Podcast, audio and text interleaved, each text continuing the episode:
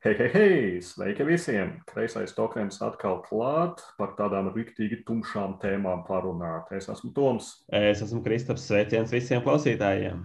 Nav no, Kristap, kas tev jauns un interesants vispār? Jāsaka, tā kā ir janvārs, bija diezgan mierīgs mēnesis. Arī visās spēļu no, nozarē un tā tālāk, bet februārs, man liekas, ritīgi uzkarsināja visu, visu pasauli pamatīgi. Un man patiesībā lai es izvairītos no šā jautājuma, uzdošu pretjautājumu, kā arī politiķi to dara vai ne. Uh, un tu jau zini, ka cilvēki ļoti daudz un bieži pērk zemi uz Marsa, viņi iegādājas tur dokumentus, tad viņiem pieder kaut kāds akmens. Jā, jā, jā, jā, komētu man liekas arī. Komēts un viss, vis, visas figņas. Viņas pēdējais laikā, ko es dzirdēju, ka pērk tos lorda status. Bet, bet galdspēļu cilvēki to nedara. Viņš šobrīd pasūta Red Rising, kas arī ir spēle par Marsu. Tas ir fenomenāli, kad es, es, es sekoju dažas nedēļas līdz, man liekas, vienas nedēļas laikā viņi ir uzkāpusi uz karstāko karstumu, kāds var būt uh, Borgingā. Viņš jau tik karsts kā Venēra. Tikai kā, loģiski, tieši tā. Un jautājums ir tāds, vai Toms ir uzķēries zāķiem. es esmu, protams, kā esmu. Nu, nu, pirmkārt, tā viena lieta, ko tu, Kristap, īpaši neminēji, jā, Red Rising ir Stonemaier Games, vai ne? Tā kā, nu, tas jau jeb kam, jeb kam ir jāsako līdzi, vai ne? Bet, zin, jā, kā pagājušo reizi, Kristap, pēc šī tava jautājuma es iznīcināju pendulumu vienkārši līdz ar zemi, jā. Tāpēc viņš nav karstumais, es nezinu, kur un, un, un, un mums nācās, nācās Stonemaier Game ļoti ilgi atpirkties, visu laiku bija jāslavē saits un jāorganizē, kā viņš uzvar iegājas es kā visu laiku labāko spēļu topā, ja, nu, lai atpirktos. Bet, nu jā, Red Risings, Red Risings, tad šī gada lielais laikam. Pastāst, par ko viņš ir? Tieši tā, tas ir e, spēle balstoties uz Pirsa Brauna triloģiju. E, tās grāmatas ir izdotas arī Latvijā. Sarkanās atcelšanās, zelta dēls un rīta zvaigzne.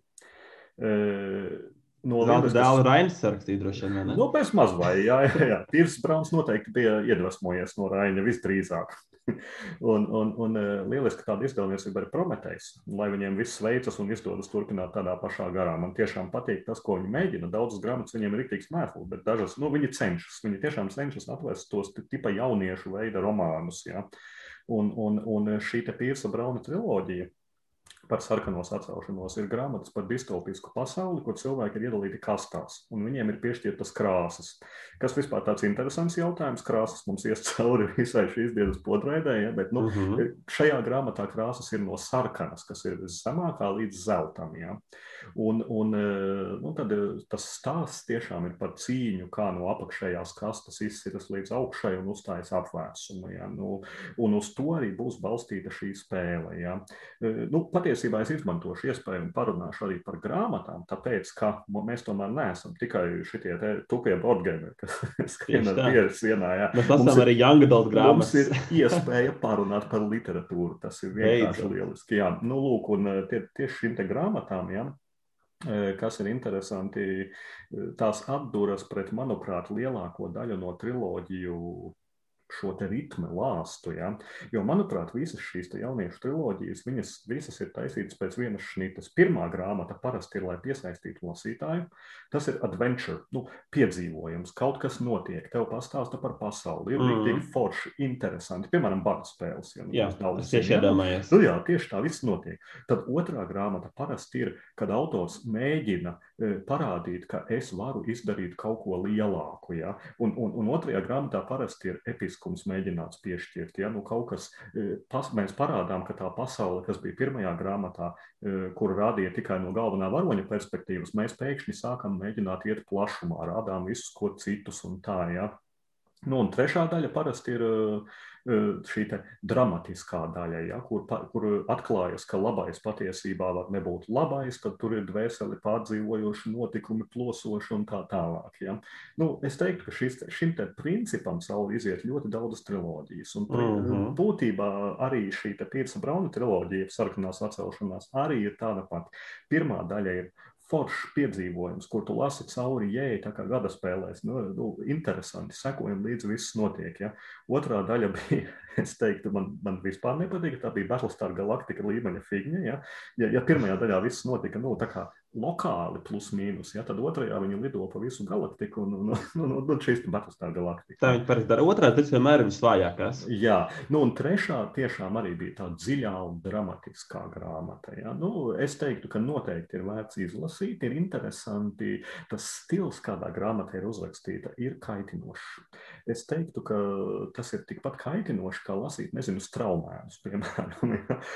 Bet stils pilnīgi nav līdzīgs straumēniem, bet tieši tā, ka ir smagi smagi lasīt to grāmatu, tu cīnies lapu pa lapai tieši dēļ tā, kā ir uzrakstīts. Ah, jā? Tev patīk sižets, viņš ir interesants, tu gribi zināt, kas notiks, bet, bet tu cīnies cauri. Nu, tā kā kādam varbūt tā nav pretenzija, bet nu, man, man, man, man tas traucēja. Kas tāpat, uh mhm. -huh. es saku, ir vērts to grāmatu izlasīt. Kaut vai pirmo. Pietiek ar pirmo. Red Rising spēlē pietiks ar pirmo. Nu, lūk, vai spēle būs tematiska? Nu, cik es izpētīju, skatoties uz mehānismiem un kopējiem attēliem, ja, man ir milzīgas šaubas. Bet, nu, varbūt bez tematiskuma var iztikt, ja ir runa par mehāniski noslīpētu, elegantu kāršu spēli. Un, un izskatās, ka šis tas varētu būt. Ko viņi darīs tam kārtīm spēlē? Vai tu zini, es redzēju, ka tur dažādas kārtas, dažādas frakcijas. Jā, sapratu, kas tur tā. ir. Un vai tas ir kaut kāds mhm. blefošanas vai kāds uh, kāds kontrole? Management kombināciju veidošana, ja? un es teiktu, tāda īpatnēja deckbuilding variācija, bet ne tādā aspektā, kā cilvēki pieraduši to redzēt. Ja? Jo ideja ir tāda, ka tev rokā būs visu laiku piecas kārtas, un tu viņas izspēlēsi uz galda, bet tu ņemsi kaut ko pretī vai nu no deka, vai arī jau no paša galda kaut kāds cits ir izspēlējis. Un tad tev eh, rokās veidosies eh, tavas spēļu beigu punktu šīs lietas, vadoties no kārtīm, kas tev ir rokās. Tad, piemēram, ja tev ir tur viens tēls no grāmatas, viņam nepatīk grāmatā kāds cits tēls. Ja tev spēles beigās viņi abi būs rokās, tev būs mīnus 10 punkti. Bet savukārt kādam kāds tur patika, vai vēl, ja, nu tad tev veidojas šis piecinieks rokā, veido tavus spēles beigu punktus. Bet viņus izspēlējot uz galda, tur būs lokācijas, tā kā strādnieku izvietošanas vietas, kur tu varēsi vēl visādi ķūnēt tos punktus. Ja. Un, un, un mhm. spēlē ir viens līdz sešiem spēlētājiem, kas ir ļoti labi kārtu spēlē, bet visvairāk man patika minētās spēles, no kurām Džemijs ir iedvesmojies. Pirmkārt, mans sens favorīts Libertālija, kur arī ir lieliska divu līdz sešu spēlētāju spēle. Mm -hmm. Tad ir cilvēku nenovērtēts dārgakmens Fantasy Realms. Uh, man izskatās, ka šis būs vienkārši liels, liels fantasy realms, godīgi sakot. Uh, par to, kādā topā viņš noteikti man nokļūs, tad es izstāstīšu daudz sīkāk. Un tad ir trešā iedvesmas avots ir Gugongs. Tieši ar šo mehānismu, ar to, ka tu novieto uz galda un kaut ko paņem vietā. Un es teiktu, ka tā daļa Gugongā man tiešām patīk. Tā ir manipulēja. Mm -hmm. Un, ja vēl visi tie seši nami, kurus varēs pārstāvēt, seši spēlētāji būs asimetriski un izskatās, ka būs, nu, tad ir potenciāls būt kaut kam lieliskam. Vai arī izgāzties un nepiepildīt cerības. Nu, tas būtu bēdīgi. Jā. jā. Es noteikti sekošu līdzi. Ok, nu, principā no savas skatu punkta es ļoti priecīgs, ka Stonemash to izdod, jo viņiem ir laba pieredze ar dažādām uh, distopiskām idejām. Tas pats Euphoria ir ļoti labs un mm -hmm. ir dažāds interesants uh, lieldienu olas arī tajā, tajā pašā tapestrijā ir ielikts iekšā visādi mazi interesanti elementi. Es domāju, ka tajā viņš varētu spīdēt gana daudz. Un tas jautājums būs, cik viņi forši dosies pārnest to tēmu grāmatas nelasītājiem.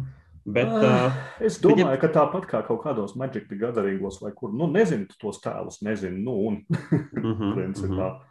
Nu, jebkurā gadījumā es ļoti priecājos katru reizi, kad izdod interesantu citādāku tēmu par nebijušu intelektuālo īpašumu vai ko tamlīdzīgu. Tas vienmēr ir daudz foršāk nekā tie būtu vienkārši tur zaļā, dzeltenā, sarkanā frakcija, kas mm. ir, kas ir feini. Jā, tā kā jā, noteikti ir, šis ir lieta, ko ir vērts pasakot līdzi. Es gan noteikti teiktu, ka pagaidiet, kamēr trakie Stormēra čempioni pats var tās spēles un izspēlēt kopā ar viņiem. Nu, jā, es noteikti arī izstāstīšu, jāklausās, ir kreisais tokens. Jā, jā, jā. Un, un... Vai arī tokenā, to, to man atnāks, viņš pateiks. Tieši Redās, tā, ja būs sūds, tad es teikšu, ka sūds. Ja, nu, zin kā par to pašu, e, ja tur būs sešas asimetriskas e, nami, ja, tad visdrīzāk pat kā tapestrijā, jau pēc divām nedēļām visa pasaule zinās, ka četri ir riktīgi stipri un divi ir vāji, ja, vai kaut kas tāds. Jā, un pēc mēneša būs. Um... Būs patch, jā, nu ļoti patchiņš. labi, nu nekāda problēma. Tieši tā, mm -hmm. kāds sāks ar vienu kārtu vairāk, jā. Bet, nu jā, nu tas tā, kā saka, pārunājām nu, kārtējo reizi Stonemajeru, bet man liekas, ka labāk Kristap pastāsti, kas tev laiks un gars tomēr ir spēlējies garlaicīgajā janvārī. O jā, o jā, janvārs bija tāds ģimenes mēnesis, jo es dzīvoju visu janvāru savos laukos, un tad bija griezu vairāk ģimenes spēles dažādas. Un viena no tām bija spēle, ko man atnesās uh, Borgēm Geeks slepenais Ziemassvētku vecītis no Somijas. Un tā bija The Quest for Eldorado. Un šī gadījumā The Golden Temples, kas ir uh, expansions, standalone expansions, nu, vairāk kā standalone, kas nozīmē, ka tā ir spēle pat par sevi, to nevajag oriģinālu. Un man bija milzīgs pārsteigums. Es vispār nezināju, ka viņi eksistē. Es domāju, ka ir Eldorado ar kaut kāds tur uh, sātanistu paplašinājums. Un, jā, un tas bija, tas bija fēni. Vairāk man par Eldorado, Eldorado kā tādu, kad Eldorado ir 2017. gada viens no finālistiem Špildis Jārs, kas sacentās ar Magic Maze un diezgan nožēlojami zaudēja King Domino. Abi divi par ko es skumji. un tā ir ātra sacensība un kavas veidošanas spēle. Un kopumā pēc manas pieredzes, man liekas, ir vērts parunāt par šo spēli. Kas tur notiek? Kas tur notiek? Kas tur notiek? Uh, spēlētājs atcenšas savā starpā, kurš ātrāk savāks trīs dārgakmeņus, aizskrien uz trim dažādām lokācijām, savāks trīs dārgakmeņus un atgriezties atpakaļ uz zelta templi. Un kas to ir izdarījis, tas arī ir uzvarējis un to skriešana notiek veidojot savu kavu. Tev ir maza kava, ja nemaldos, sākumā ar astoņām vai desmit kārtīm, un tu katru gājienu vari pakustēties pa dažādiem laukuņiem, caur džungļiem, caur tuksnesi, pārpeldēt kaut kur un nopirkt arī jaunas kārtas. Un tu veido to kavu visu laiku un mēģini efektīvi, efektīvi iziet to ceļu. Un šī standalone versijā ir divas atšķirības. Viena nebūtiska, otra būtiska. Pirmā nebūtiskā, ja pirmajā oriģinālā bija alas, tad šeit ir tempļi. Un jūs līdzīgi pieskaries tādā skalē, pieskaries templim, notiek labumiņš visiem pārējiem spēlētājiem šajā gadījumā. Nekas īpašs, alas vai templi mans ne, neuztrauc, bet tas, kas fundamentāli mainās, un tas ir baigi forši, ir tas, ka, ja oriģinālajā variantā ir tāds ir sākuma punkts, un tu zini, kur templi tev jāizskrien. Un beigās tur tu nonāc. Šeit ir bijis citādāk. Te ir vairāk veidi, kā var salikt karti, Un tur redzat, ir sākuma punkts. Viens temps ir pa kreisi, otrs ir taisnība priekšā, viens ir pa labi. Un tu vari menedžēt to ceļu, ka tu aizēji atpakaļ uz vienu, pēc tam atpakaļ, pēc tam aizēji atkal uz trešo, un tev sanāk daudz biežāk saskrieties ar citiem spēlētājiem, centrā daudz biežāk kaut ko atkārtot, kā darbību, un tu nevari tik skaidri redzēt, ka, ok, sākumā man vajag džungļu kārtas, pēc tam viņš nu, izmet ārā, jo beigās tur džungļu vairāk nav. Tas nav vairs tik viegli redzams, kā arī tik viegli nav redzams tas, kurš šis spēlētājs aizskrējas uz priekšu. Un kopumā es biju diezgan pārsteigts, ja ģimene diezgan patīkami pārsteigts. Viņš bija tāds lielākais janvāra grāvējs. Mēs spēlējām, spēlējām pārsvarā divām reizēm vakarā. Bija forša tā kārša konfigurācija, un mazliet par Eldorado viņai tā īpašā lieta ir tāda, ka veiklē ir pieejams, ja nemaldos, astoņas vai sešas, laikam, astoņas kārtas, katrs pa trim kopijā, līdz ko izpērk vienas. Tur pirkt no kopējā veikaliņa, kur ir 12 vēl tādas dažādas šupiņas un tikai tā viņas ienāk iekšā. Tas uh, ir diezgan interesanti. Un tā sajūta, to, ka tu vari stundas laikā nepilns izskatīt ar foršu sacensību, bija gana laba. Plus, vēl viens labs atšķirība šajā versijā bija divu spēlētāju risinājums, kas man likās interesants. Jo šeit divi spēlētāji, salīdzinot ar oriģinālo Eldorado, ir tā, ka tur vienkārši skrien līdz beigām, viss notiek. Šeit divi spēlētāji kontrolē divus vieriņus, Un uz vienu templi pietiek, ka viens aiziet, uz otru templi arī pietiek, ka viens aiziet, bet ir viens templis, kur viņam jāies kā abiem diviem reizē. Un tad to var ņemt un menedžēt, un tev arī divi tā ir gana, gana, gana interesants pasākums. Nu, lūk. Un mans vienīgais, vienīgais mīnus ir tas, ka uh, spēlē vienmēr pieejami visi kāršu tipi.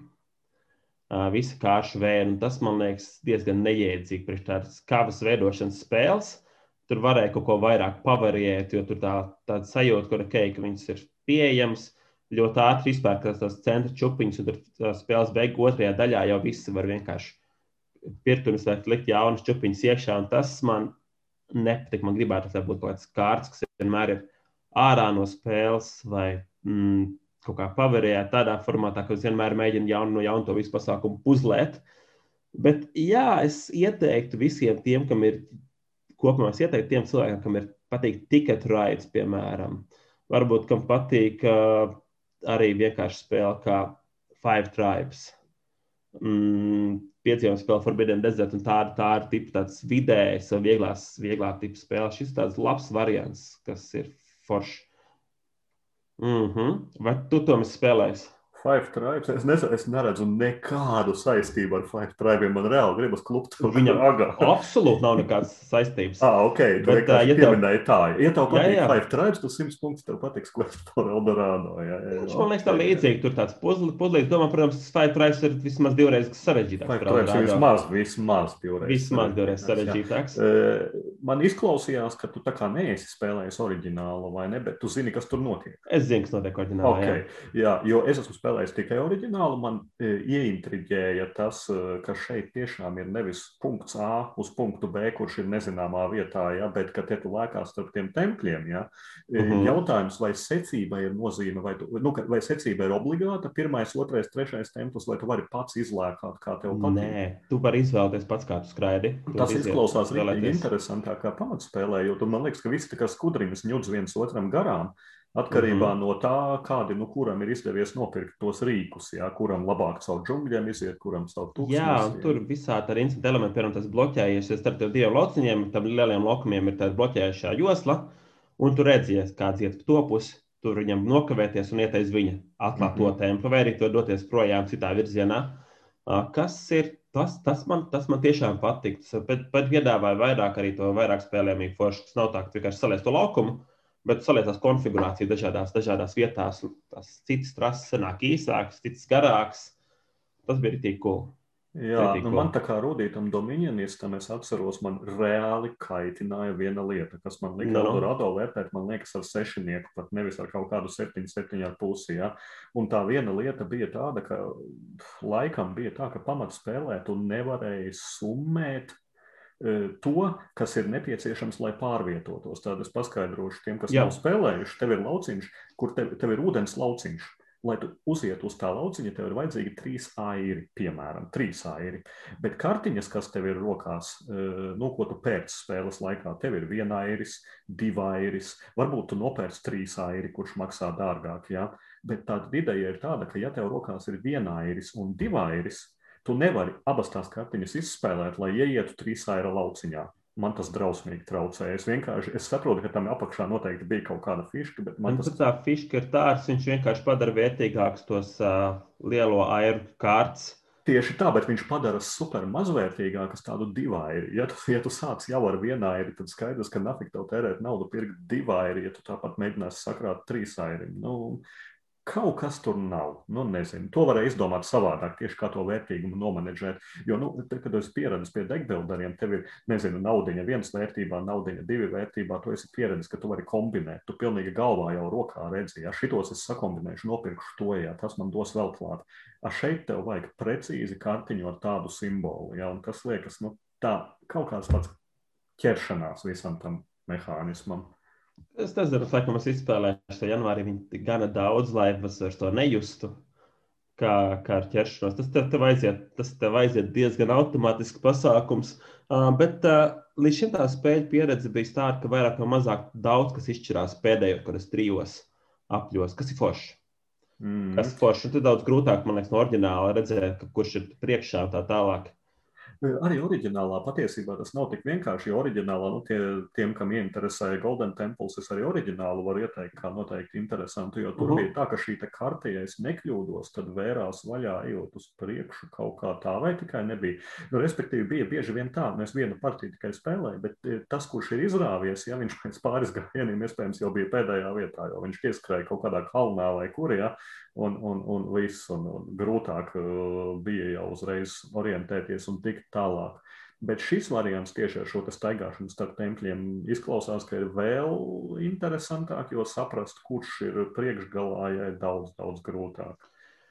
Jā, tā kā noteikti, noteikti ir vērts. Izmēģināt, viens liels mīnus no manas puses, viņai ir tikai četri spēlētāji spēle līdz četriem spēlētājiem, kas ir, manuprāt, liels zaudējums šeit.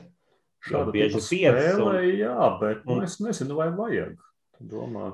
Es teiktu, ka te būtu, te būtu diezgan ok ielikt to piekto spēlētāju. Es es nezinu, man liekas, ka tu drīksti turpināt raustīt aiz ūsām mūsu klausītājus, kas dzīvo maisētē vieni un spēlē solo, un tu tikai stāsti, ka rekur, šeit uz spēlētāju spēli, nē, es gribētu vairāk, man ir ar ko viņu spēlēt. Man, es esmu vairāk par trīs spēlētājiem izspēlējis šobrīd, bet uh, liekas, varētu būt jautri. Mm. Man, liekas, jā, man ļoti bieži ir pieci spēlētāji, un šis būtu tāds variants, ko varētu ātri vakar nobeigt.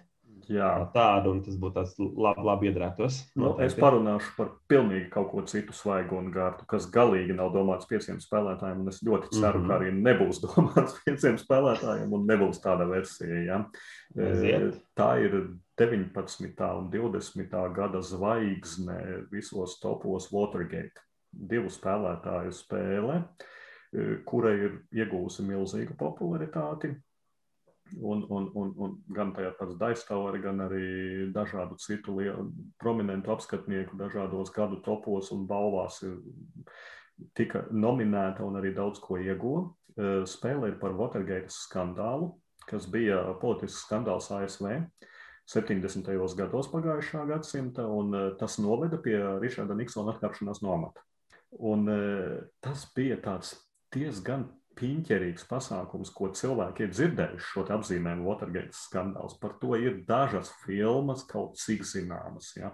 Bet tā ideja ir tāda, ka šī izmeklēšana, ko izveica būtībā žurnālisti pret prezidenta administrāciju un savilka kopā šos diedziņus, kādas zirnekļu tīklus tur bija uztaisīts, ja, kas beigās noveda pie prezidenta atkāpšanās, kas Amerikas vēsturē nu, tiešām ir kaut kas unikāls, ja tā notiek. Uh mhm. -huh. Joks ir tāds, kā arī paši šie amerikāņi un arī apskatnieki, viņi saka, ka viņi par Watergate skandālu neko īsti nezina.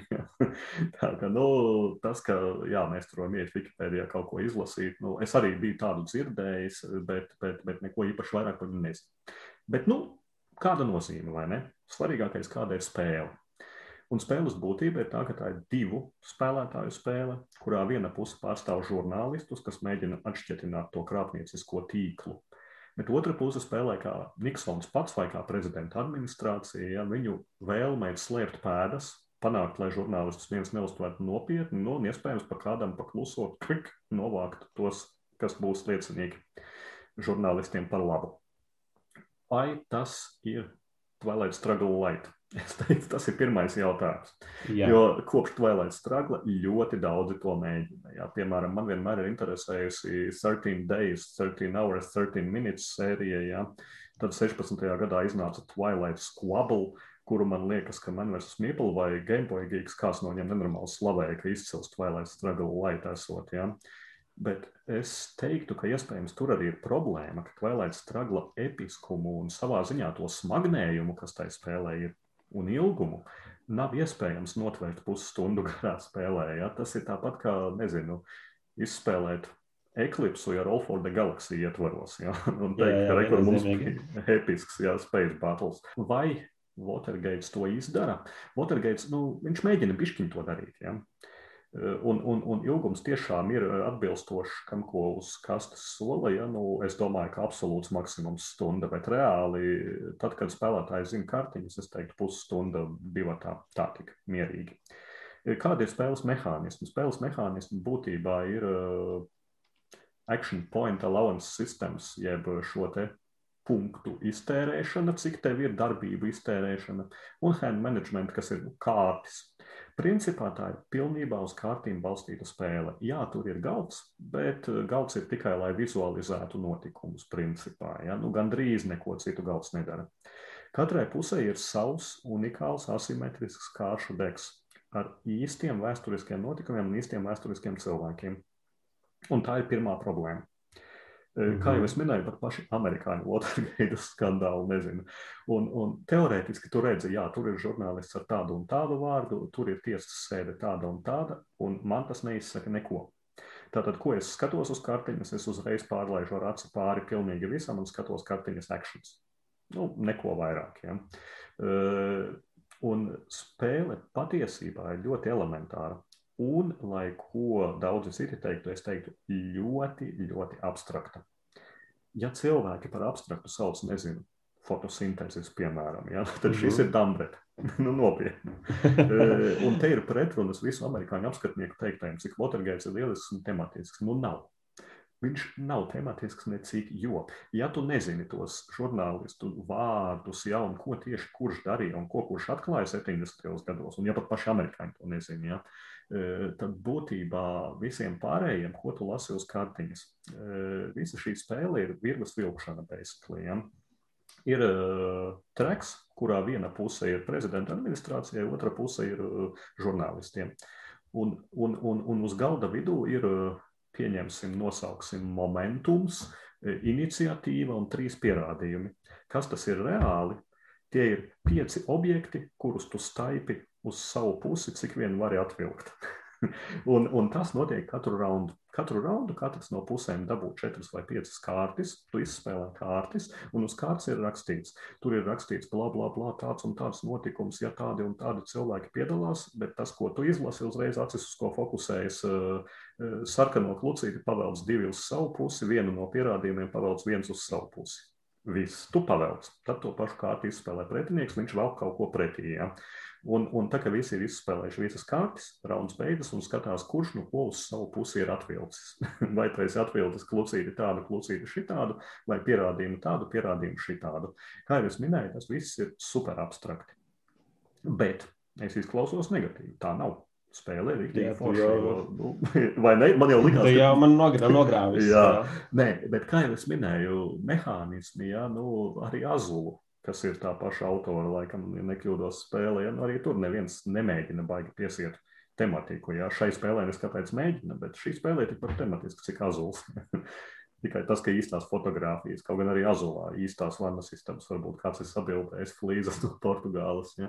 Bet eh, šeit eh, tie mehānismi ir ļoti forši šī virves staipīšana, jo mm, ir tiešām asimetriski šie deki. Es ļoti bieži sadūros pret to, ka pretiniekam ir iespēja, un tas tiešām tas parāda bez mazliet, nu, ja mēs skatāmies, meklējam tēmu, tad prezidenta administrācijas vērienu, ja, ir iespēja vienā gājienā ar kādu kārti pavilkt pa pieci uz savu pusi vai pat četri. Ja? ja tu dabū kaut ko uz savu pusi, uz piecinieku, tad tas jau ir tavs, neatkarīgi, kas turpinās raundā. Ja? Man, teiksim, neviena tāda kartiņa kā žurnālistam spēlējot nebija. Es varēju tur vilkt viens, divi, ja vēl kaut ko. Ja?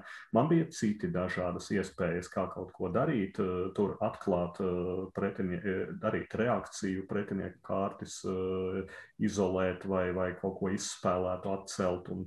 Ir forši. Sakombinētas kārtas ir tiešām forši un šī staipīšana šurpu turpu un spēles ātrums, eh, tas viss padara to pasākumu interesantu. Man ir tāda jūšana, ka jo vairāk to spēlē, jo vairāk tu zini, kādas pretinieki ir kartiņas. Un tas gan ir līdzība ar Twilight Struggle ļoti liela. Ja? Ka, ja tu saproti, man nav jēga šito malu dzīt, ja?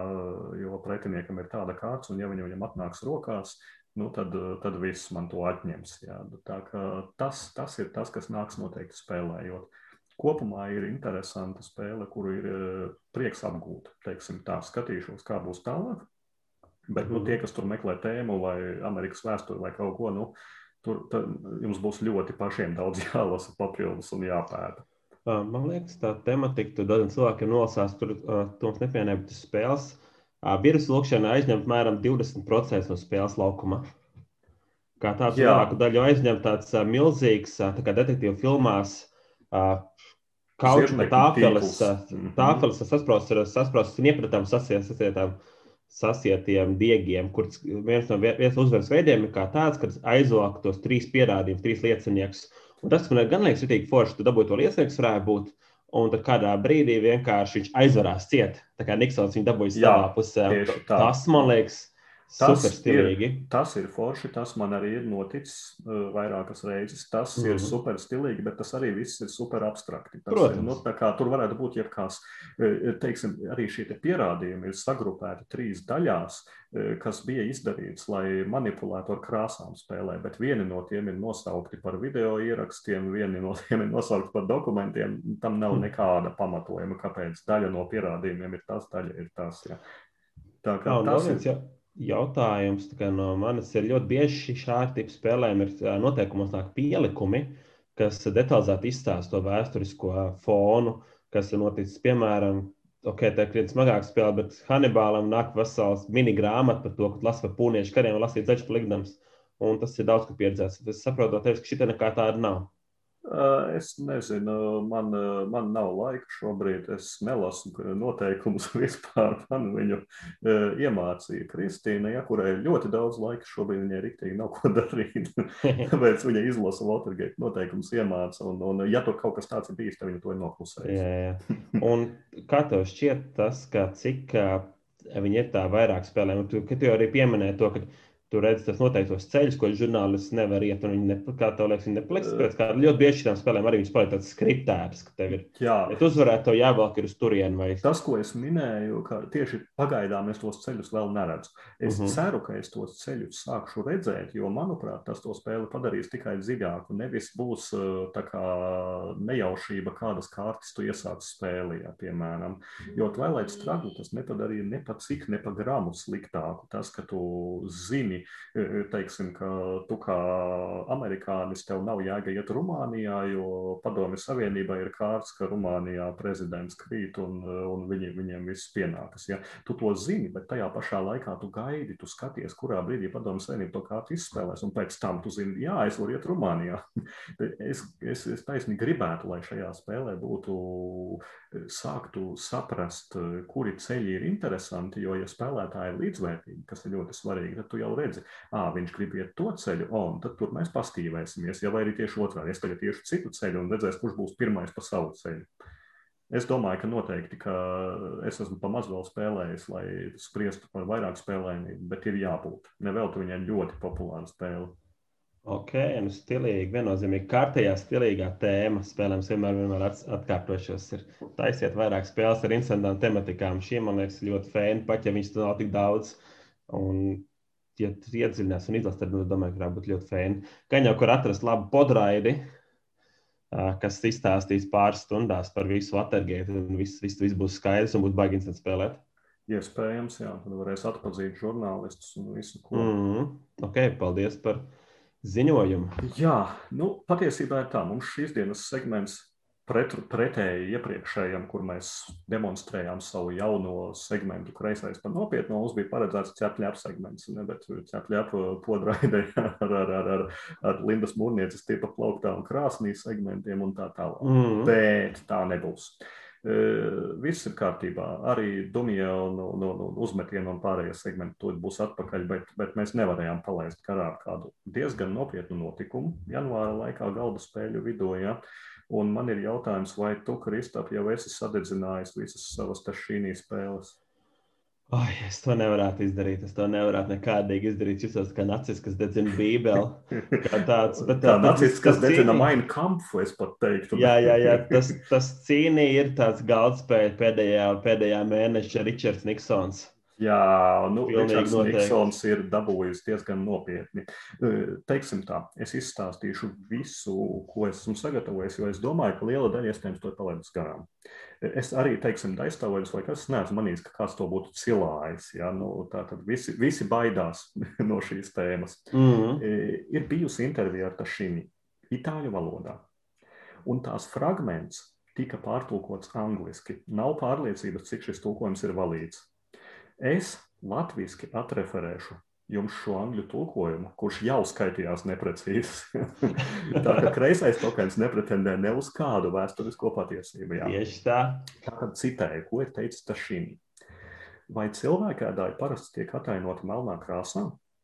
Šāds viedoklis ir tūredzīgs, jo fantastikas žanrā vienmēr bijuši nodalīti gaišie un tumšie spēki. Viss, kas ir slikts, tiek atainots kā tumšs.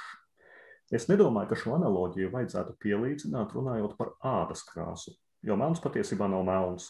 Tumša ādas krāsa var variēt starp iedegušu itāļu ādas krāsu līdz tumši brūnai, ne melnai. Es nekad nesaucu viņus par melniem, jo viņi nav melni. Man ir daudz draugi no Āfrikas, un es viņus nesaucu arī vadoties pēc dzimuma. Kāpēc man vajadzētu nošķirt dzimumus un rases? Kad es esmu ar saviem draugiem no Āfrikas, es vienmēr viņus saucu par melnajiem, un viens no viņiem neapvainojas, jo viņi zina, ka tas nav domāts kā aizvainojums. Es vēlos atkārtot, kā atšķiras tikai nozīme, ko mēs piešķiram vārdiem. Nu, ļoti pretrunīgi. Un ar šo paziņojumu sākās vētra. Ja? Nu, man, O, jā. man, man pašam pat no šī tūkojuma nav skaidrs, vai viņš vienkārši ir pofigists, kurš saka, ej, rasismu nav, viss ir sūds, ja? nu, pilnīgi vienalga, ja? vai arī viņš ir rasists vai nē. Ja? Bet, nu, kas ar to sākās? Principā tas, kas sākās ar Lebronu Džeimsu, kurš pameta Clevelandu, vai Neimāru, kurš aiziet no Barcelonas uz PCG. Ja? Fani dedzina kreklus un nolāda iepriekšējo mīldi. Borgēngiks eksplodēja ar milzumu nosodījumu un paziņojumu. Nekad mūžā vairs nepirks šī dizainera spēles ārprāts, kāds viņš ir rasists. Ja. Problēmai vēl lielāku uzmanību pievērsa divas kompānijas - Borden Dice, Teo Tihokānis izdevējs un Hansim Gluck, Voyages of Marco Polo. izdevējs. Jā. Abi paziņoja, ka pārtrauc šo spēļu izdošanu vispār. Nekad mūžā, principā, vairs nesadarbosies ar Tašīnu. Hansim Gluks gāja pat tālāk, apsolot, ka visus, kas līdz šim ir eh, vēl palikuši Marko Polo ienākumus, iedos rasismu apkarošanas fondiem. Ko saka pats Tašīni? Viņš saka, ka ir šokēts par tulkojumu uz angļu valodu. Es teiktu, ka varbūt es tam ticu. Tad viņš ļoti detalizēti un ilgi skaidro, ko domājis un atvainojas. Vai ir nozīme, ka atvainojas? Drīzāk, ka nē, jo, piemēram, Hansim Gluks eh, savā paziņojumā saka, ka atvainošanās acīm redzami šī nenāk no Pierāda sirds. Nenāk no sirds. Jā, jā. Un viņi varētu dizainerim piedot tikai tad, ja redzētu, ka viņš ir pilnībā mainījies, izgājis šķīstīšanas ceļu. Ja? Nu, nu, tā kā ar atvainošanos nepietiek.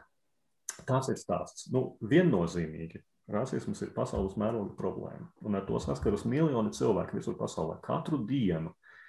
Es teiktu, ka mūsu hobijs līdz šim no skaļiem skandāliem rasismā bija izvairījies, vai ne, Krista? O, jā, šis bija absolūti mierīgs. Ko es jau neskaitu tāds atsevišķs gadījums, kā piemēram uh, verga, verga bildīta Five Tribes un tā tālāk, bet tas bija sen un tas nav, nav nes pusi tik skaļš kā šitais. Nebija ne pret vienu personu vērsts. Tā Kā, uh, šis ir noteikti precedents.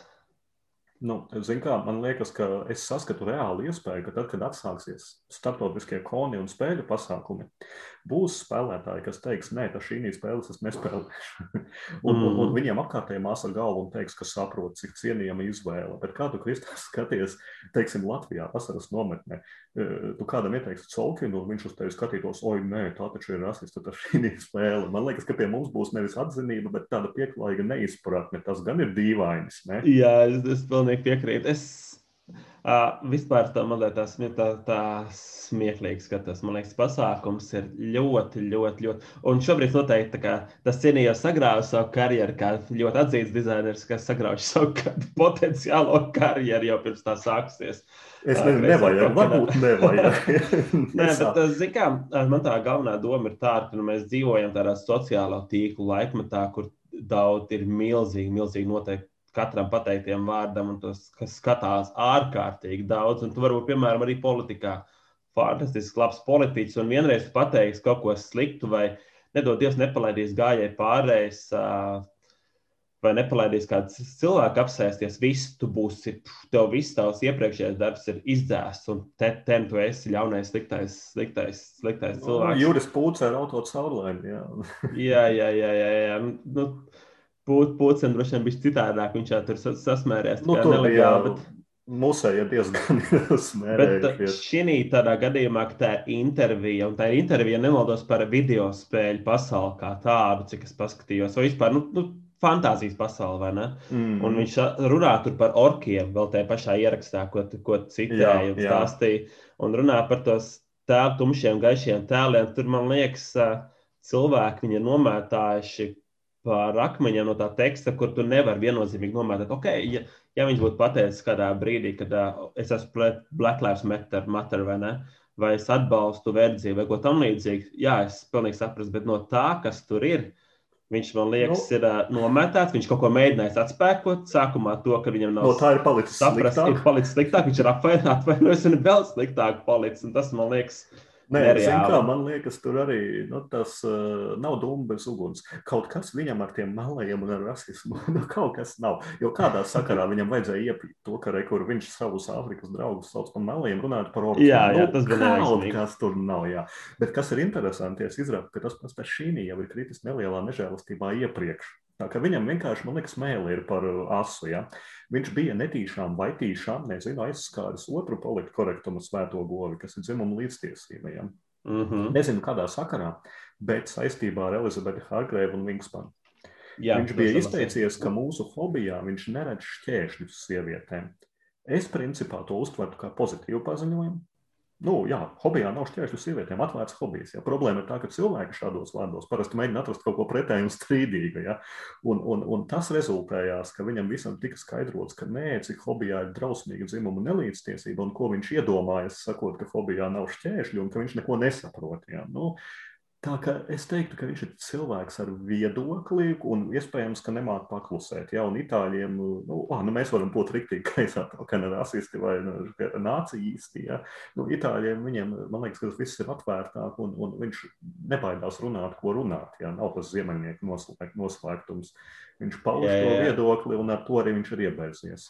Nu, cik es arī skatījos, tas cienījums arī var paskatīties, ko tā viņi spēlē. Viņam ir, ah, es neatceros, vai Marko Pola vai Zolkane, viņam tur bilde, kur, kas viņam arī Borgan Gīkā, kur viņš vienkārši sēž ar milzīgu cigāru rokā. Jā, jā, jā. jā, jā. Un tu redz, ka viņš tāds tur rīktīgs čalis, kas tur visticamāk Hančam Glukam arī ir aizgājis kaut ko kādreiz uzbarzījis virsū vai ko tam līdzīgu. Bet, nu, jāsaprot, kompānijas, tās kompānijas, kas šī brīdī, kad ir noticis precedents, viņi uzreiz ķerās pie damage control. Vai, vai tā ir reklāma, vai, vai viņi jūt, bija arī vai, reklāma? Jā. jā, nu, es teiktu, ka tā ir arī reklāma. Bet viena lieta, ko es ļoti vēlos akcentēt no Hansina Gļuka paziņojuma, es citēšu tieši tā, kā tas skanēja viņa paziņojumā angliski.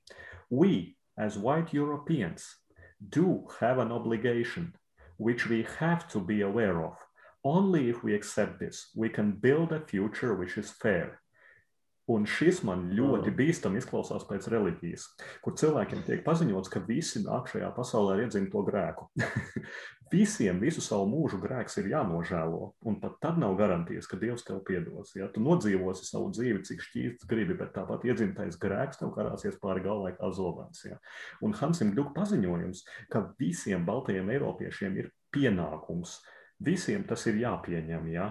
Un, un te ir tā daļa, kuru sākot iztirzāt, mēs varam aiziet pa tālu no galda spēļu hobija. Bet nu, es nedomāju, ka es un tu, Krista, ka mums būtu visu dzīvi jākaisa pelni uz galvas un jājūtas vainīgiem par to, ka otrā pasaules malā notiek rasisms. Ja? Mm -hmm. Vai tiešām baltā rasa ir visai ļauna un ka tas ir obligāti jāpieņem un cik tas ir būs līdz zemeslodes beigām tā notiks? Man liekas, ka mums tā liela problēma, ka mums tas rasisms ir un vispār mums tāda selektīvā diskriminācija. Mēs nenormāli domājam par melno balto. Mēs skatāmies uz rasismu tikai kā, ok, tagad mums ir rasu problēmas Amerikā, tie iedzīvotāji. Mēs, mēs, mēs vispār neskatāmies, piemēram, piemēram spēle Mombasa izrunā kaut kādas pretenzijas cilvēkiem vai Markaibo par to, kas ir pa turieni, bet te pašā laikā spēle Konkordija, kur arī ir Roma, kur daudz, daudz vairāk vergu nekā tajā laikmetā visās malās. Viss mm. ir ok. Un tur Nu, nu, tāds milzīgs teiksim, selektīvisms. Tur ir bišķiņi arī tieši tā, ka mm tu saki selektīvisms vai dubultstandarti. Ja? Piemēram, HP Lovecrafts, kura spēles visi atražo kaudzēm seriāli, kas tik nav. Ja? Viņš o, jā. bija viens no lielākajiem rasistiem vēsturē. Viņš bija, viņš bija oficiāli rasists. Viņa visi darbi bija ar rasismu elementiem. Tagad pārizdodot to ravē ārā tajā pašā laikā Arkam horora visa pasaule viss ir sajūsmā, ja neviens vairs necilāja Lovecrafts, ja. Nu, varbūt šī arī pēc 50 gadiem visi spēlēs joprojām Saukenu un teiks, nu, aizmirsīs, ko viņš ir teicis. Ja. Nu. Jā, bet nu, es teiktu, ka tās kompānijas savas divas ar savu uh, rīcību vairāk tomēr veicina rasismu nekā to viņi noliec. Viņi veicina Jā. to domāšanu, ka viņi nostājas katrs savā pusē.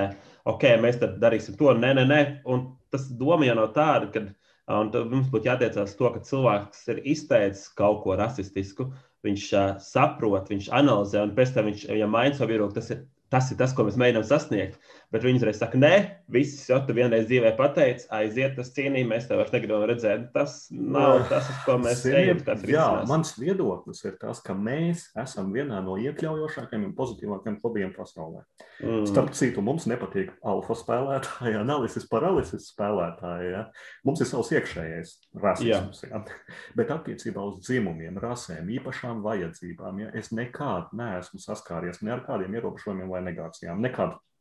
Varbūt ārpasaulē tas ir savādāk, bet es neesmu arī par to dzirdējis. Un tas, kas man nepatīk no šīm kompānijām, ka viņas mēģina mūsu hobijā iekšā ievilkt problēmu, kura te nav, un tad mm. te iekšā vārīties un risināt, ja? nezinu, vai ar labu prātu vai nē. Ja?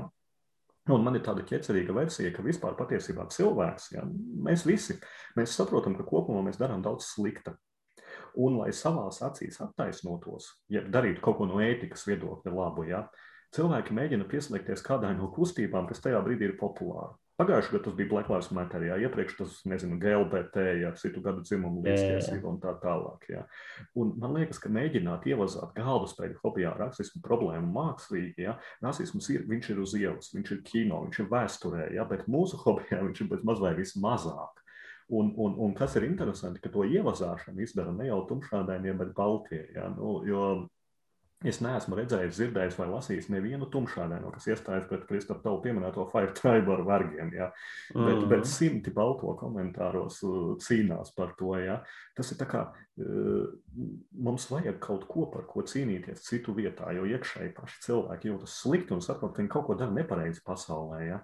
Pievērsies tām problēmām, kas ir, ko, ko tu vari risināt pievērsta pasaulē simtiem problēmu, dzimumu līdztiesība, dzīvnieku aizsardzība, globālā sasilšana, vardarbība ģimenēs, nezinu, medicīniskas problēmas.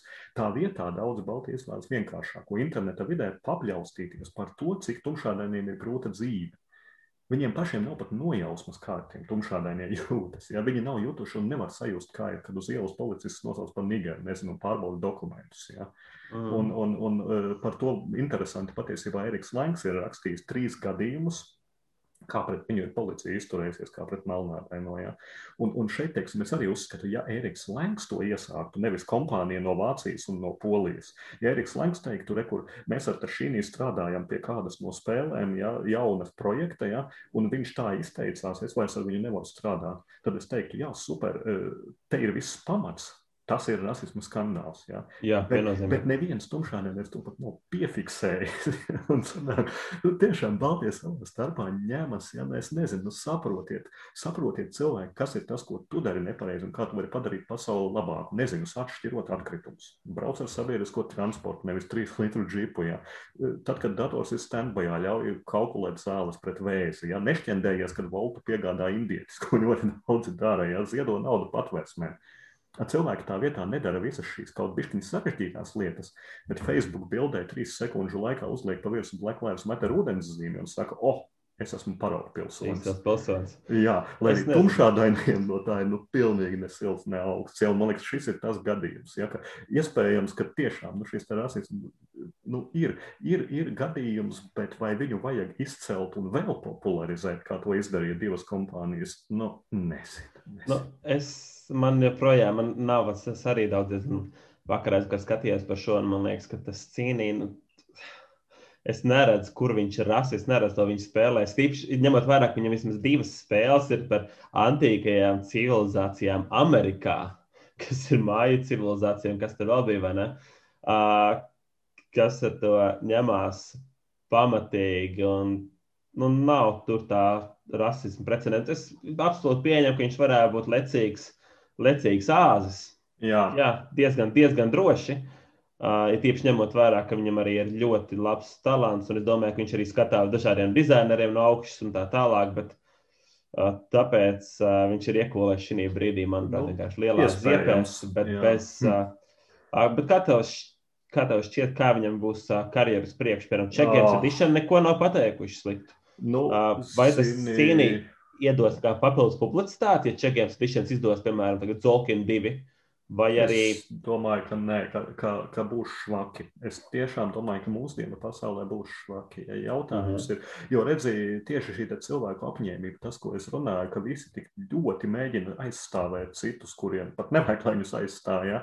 Un, un tā tiešām ir Baltās rases īpatnība. Ja? Un, un, un, un, un boardgame geekā es domāju, nu, arī izdevējs seko līdzi tam, ka cilvēki saka, ka visas savas šīs spēles sadedzināju, izmetu, nekad vairs nespēlēšu. Ja? Nu, kritīsies, kritīsies reitingi. Ja, un, un, un, un es nezinu, vai karjerai ir pagalam. Cerams, ka nē, jo viņa spēles ir labas. Ja. Un principā, nu, atvainojies viņš ir. Man atšķirībā no Hansina Gluka nelikās, ka atvainošanās nenāk no sirds. Ja. Nu, nezinu, nezinu. Es domāju, tikai laiks rādīs, tie grūti noprognozēt. Jā. Es domāju, ka viņš bija rītīgi šokēts. Viņš negaidīja, ka tas tā viss tā aizies. Noteikti. Bet, ja kurā gadījumā man ir oficiāls padomā, pa, paziņojums, ja kāds vēlas sadedzināt cienīt spēles no mūsu klausītājiem, jūs to droši varat atdot viņus man, un es viņus sadedzināšu jūsu vietā. Jums nebūs jāsmērē savas rokas. Tā kā droši sūtiet Ja mēs varam uztaisīt Jelgavas jā, veicien. kreisā tokenu tieši tā, mēs varam uztaisīt šī spēles dedzināšanas pasākumu. Tas Jā. būtu interesanti. Jā. Tas būtu izcili. Ievērojot divu metru distances ar maskām un visu, jā, bet ja kāds grib nededziniet paši, jā, mēs, mēs nokārtosim. Tā Keņģa trīs maģistrs, domāju, viņš tik labi svilts, svilts droši sūtiet man, es aizsūtīšu jums bildīgi, ka kaut kas ar, ar kamīnu liesmām. mm. Mēs pat varam mēģināt izspēlēt plauktu un krāsni. Jā. Īsta reāla plauktu un krāsni. Jā, Mm. Okay, okay. Jā, nu, tas bija šoreiz kreisais par nopietnu. Cerams, ka Kristaps ne, nesagrāva savu nākotnes dizainera karjeru. Jā, tā, Es, es redzēšu to ar tojušiem projektiem. jā, jā, vasarā. jā. Jāgaida zvana rītdien. Mm. Bet, nu, ja nu kas jūs varat ar Danieli nodibināt kompāniju un izdot kaut kādus īpašas spēles īpašai publikai, kā Tašīnī un Kristaps jā, aiziet. Jā, bet uh, pirms mēs lecam tālāk, uh, mums ir konkurss. O, Ir pienācis- atkal Ir labais. atkal konkurss, un šoreiz ir ar nopietnu balvu. Nopietnu balvu un arī uz tēju burtu. Bet nes, nebaidieties, cilvēki. Tā nav tas cīnīs. Mēs sākam te šī spēle. Es, es patiesībā nezinu, kas ir dizainers, bet konkursā, Toms pateiks, dizainers, es vienkārši aizmirsu. Uh, Konkursā būs iespējams iegūt Steam kodu uh, spēlē Terraforming Mars uh, Steam adaptācijai, kas ir ļoti foršs, forš, manuprāt, variants. Steamā to var nopirkt šobrīd par 20 eiro, bet, nu, būsim godīgi, Steamā neviens tā kā nepērk pilnot cenu, visu gadu atlaides. Tā kā, jebkurā gadījumā tas būs labi iespēja dabūt šo spēli savā uh, digitālajā kompītī. Un viss, kas jums ir jādara, jums būs ir Facebook, Facebook ieraksts, un tur būs jāieraksta kāds tematika, ko jūs varbūt labprāt gribētu, lai mēs runājam uz jaunajā segmentā, kreisais par nopietno. Vienkārši trakākā tematika, ienāk prātā, prātā tas var būt no tā, ka ko darīt ar tiem, kas atnāk vēlāk, ko darīt tiem, kas izgāž ūdeni uz spēlēm. Vai arī kaut ko fundamentālu, par ko mēs runājuši šodien. Tā kā, jā, ierakstiet komentāros, tur būs viss rakstīts Facebook, un iespējams dabūt vērtīgu balvu. Labais, es jau sāku domāt, tēmas man kādas septiņas ir. Šitie ir ģimenes locekļi un, un, un paši drīkst piedalīties, taču ne? Jā, ir īpaši kaķi. Un pat kaķis, jā, un man bruņurokots arī aizies kaut ko ierakstīt. Dzīvnieku tiesību. Nē, spēlēs ir pārāk maz bruņurokoču, jā. Tas ir. jā, jā. Tā, nē, Darvins Čois tagad laikam ir super populārs. To visi brīnā, tur galapagu rupuču un viss, kas. Jā, es redzēju trupuči, bet uz priekšu. bet tieši tā, mēs laižam tālāk, mēs neesam nekādi bruņuropuči. Un uh, es saprotu, ka Kristaps iepriekšējā reizē super labi nozīmējās, un man ir jāatkārto labs sasniegums bezgalīgajā duelī. Tomēr tur atkārtots, ka dabūja punkts. 13. Tieši tā, tieši Nelaimīgais 13, ar ko tu zaudēsi gadu. tā. Cerams. Tieši tā. Bet tu vari sākt minēt manis sagatavota eleganta spēle. Eleganti trīs pavadieni. Es ceru, ka nonāksim līdz man būs iespēja nosaukt viņus visus trīs. Tā kā Cerams, aiziet. ka nē. Es sākšu uzreiz konkrēti un spēcīgi, vai spēlēju zombiju. Nē, Atkal nav. Vienīgo reizi, kad es izdomāšu to neprasīt, tad 100 punktu būs ielicis zombiju spēli. man jāsagatavo alternatīvais zombiju variants. Jā, nu labi. Eh, Vai eh, spēles autors vai, nosā, ne, autors vai nosaukums sākas ar burtu T, tā kā tas šī? Nē, nē, nē. nē. Ok, tas nav. Tā, o, tu, mēs labi atmetām veselas šīm, visu šo. Vispār parasti mēs tādus jautājumus neuzdodam, bet nu, šoreiz vajadzēja tomēr Nē, nē, normāls jautājums. Tas Jā. būtu ļoti trāpīgi. Jā, tā, labi. Sāksim nopietni. Vai spēlē ir kauliņi?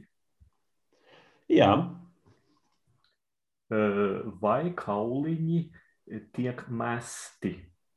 jā.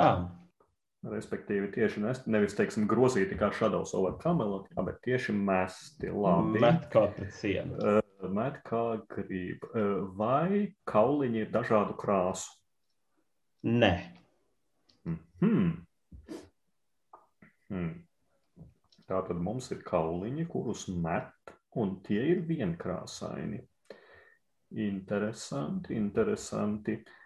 vai kauliņi nosaka kādus, ko spēlētāji iegūs, teiksim, resursus vai, vai, vai Nu jā, pieņemsim resursus. Pagaidām. Nosaka jau gan, ka kaut ko spēlētāji iegūst tiem kauliņiem. Aha. Vai kauliņi tiek draftēti? Nē. Mums jau vienreiz bija katanas ieceļotāji. Tāpēc es neminēšu. Tas būtu rīktīgs figūrs. Viņa kā jauna sezona, Kristaps vēlreiz tā kā katanas ieceļotāji. Tas bija viens no veselīgajiem punktu savākšanas raundiem. Uh, jā, bet mačī koro es neesmu spēlējis. Tā, tas nevar būt. Tātad, nu, ka kauliņi kaut ko nosaka, ko cilvēki iegūst. Labi. Un, un, un, un, un. Labi, aiziesim vēl tālāk. Tātad, uh, Nē, tas man neko nedos patiesībā. Vai spēle ir 2018. gads vai jaunāk? Tā es paskatīšos gadu. Tūlīt, tūlīt, tūlīt, tūlīt. Nē, vecāka višķīt. Vecāka par 18 Bet, nu, gadu. Nu, jā, nu, skaidrs, kur viņa tur ir. Uh, ir kauliņi. Vai tā ir uh, sacensību spēle, nevis kooperatīvā? Kā domāt, kā competitive game. Nē, ne race game, bet competitive. Jā, jā, jā. Uh, jā tā ir. Uh, spēlē dažādiem pretiniekiem, un tu esi savā desmit punktus jau strādājis. Jau, fū, cik briesmīgi. Tas baigi ātri paiet, tas vienkārši neciešami. Nē, es uz kauliņiem uzkāros. un šobrīd mans mērķis ir, kā jau parasti pirmais pavadiens, ja tev bija kaut kas skaidrs, tad vairs nekas nebūs skaidrs. Un pirmais pavadiens ir ar divu vārdu - hefaista darbs. Okay ja es nekļūdos, tad Hefais bija kaut kas ar kalšanu saistīts, un, e, un, un, un šis pavadiens liek man domāt tikai un vienīgi par vienu spēli.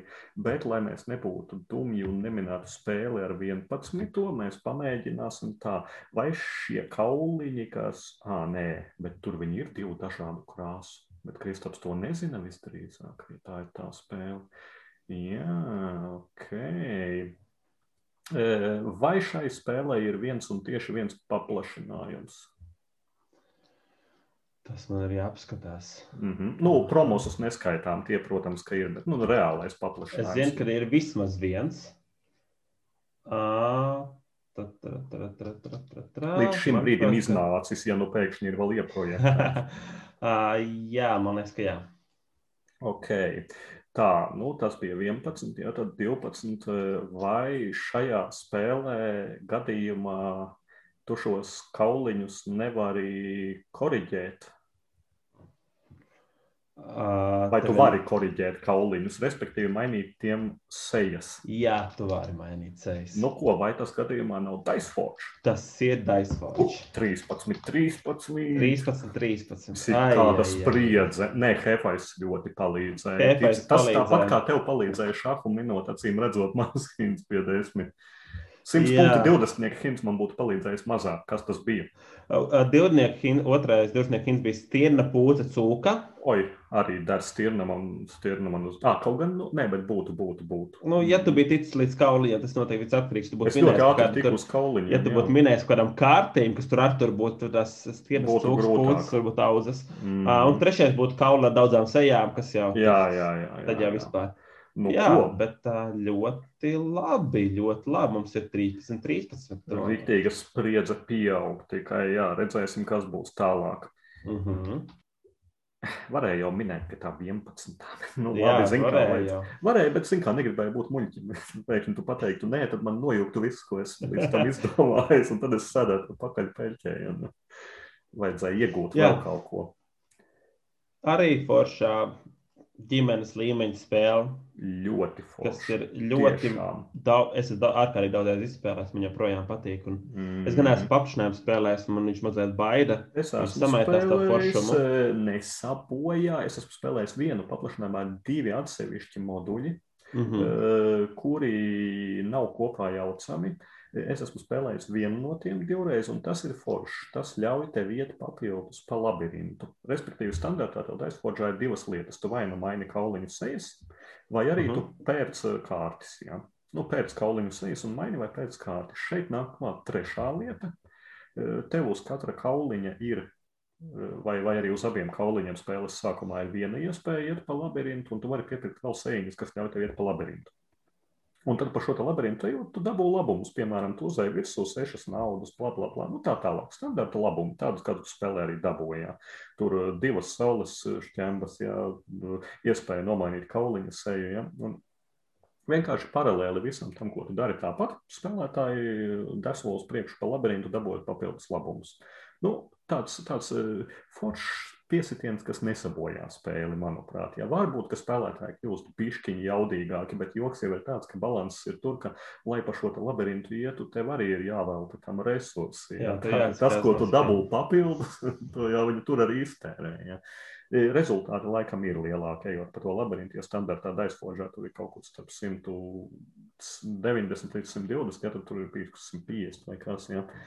Jā, man fascinē šie spēlē, ka nav viņai līdzīgas alternatīvas. Joprojām viņa 17. gada spēle, un es biju sagaidījis, ka vismaz vēl kāds pāris mm. būs uztaisījis šo mehānismu. Es tikko kaut kad redzēju vienā no reklāmām, Watchit Playdam Rodnijam bija kapau vai kaut kas tāds ar uh, kauliņu maināmām sejām, un pirms viņai jau arī bija viena, bija uh, bija, ļoti šausmīga. Tā tā bija vāja, jā, jā. jā. Mm -hmm. To es neatceros. Bet tā ir kāds mēģina uztaisīt, bet, nu, zin kā, nav tik vienkārši. Nav jau tik vienkārši tieši pašu to mehānisko daļu redzot, norganizēt. Ja nu, cilvēki ir tīzli un daisfordu tomēr izliet cilvēki. Nu, es neesmu redzējis, ka baigi daudz sajā, salauztu.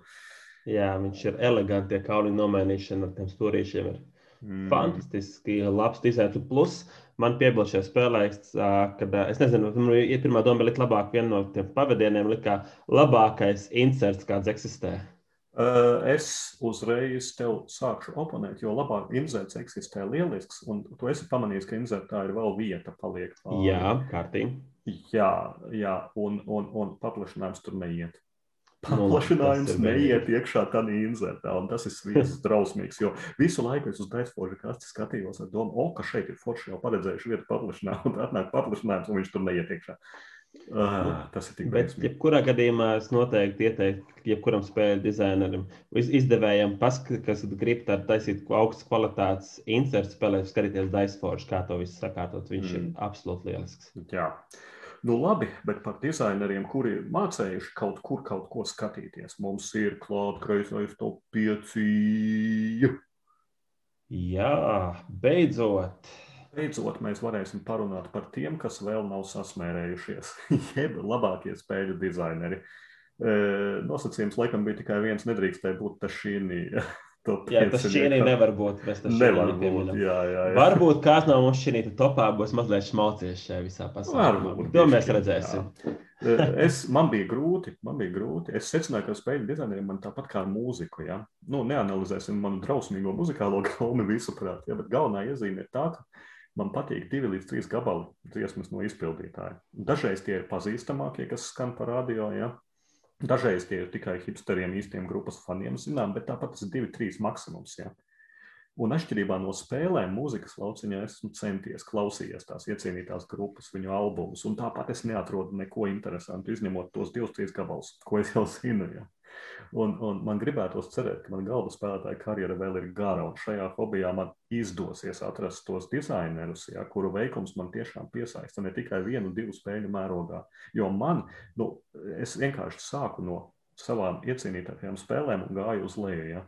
Un visām spēlēm atklājās, ka man no tā dizainera patīk viena, maksimums divas spēles. Visas pārējās viņas vai nu nesmu spēlējis, vai man pilnīgi neinteresē. Uh mhm. -huh. Tev bija vieglāk?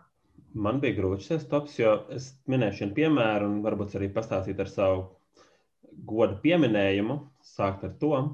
Uh, jo spēļu dizainers, kuram ir divas spēles, manā top 10 neiekļuva labāko dizaineru top 5. Niekā, kas ir Volgans Foršs, kas ir uh, dizainers gan Gačs, Clever, gan Kvaks un Kvedlinburgs. Man liekas, amazing.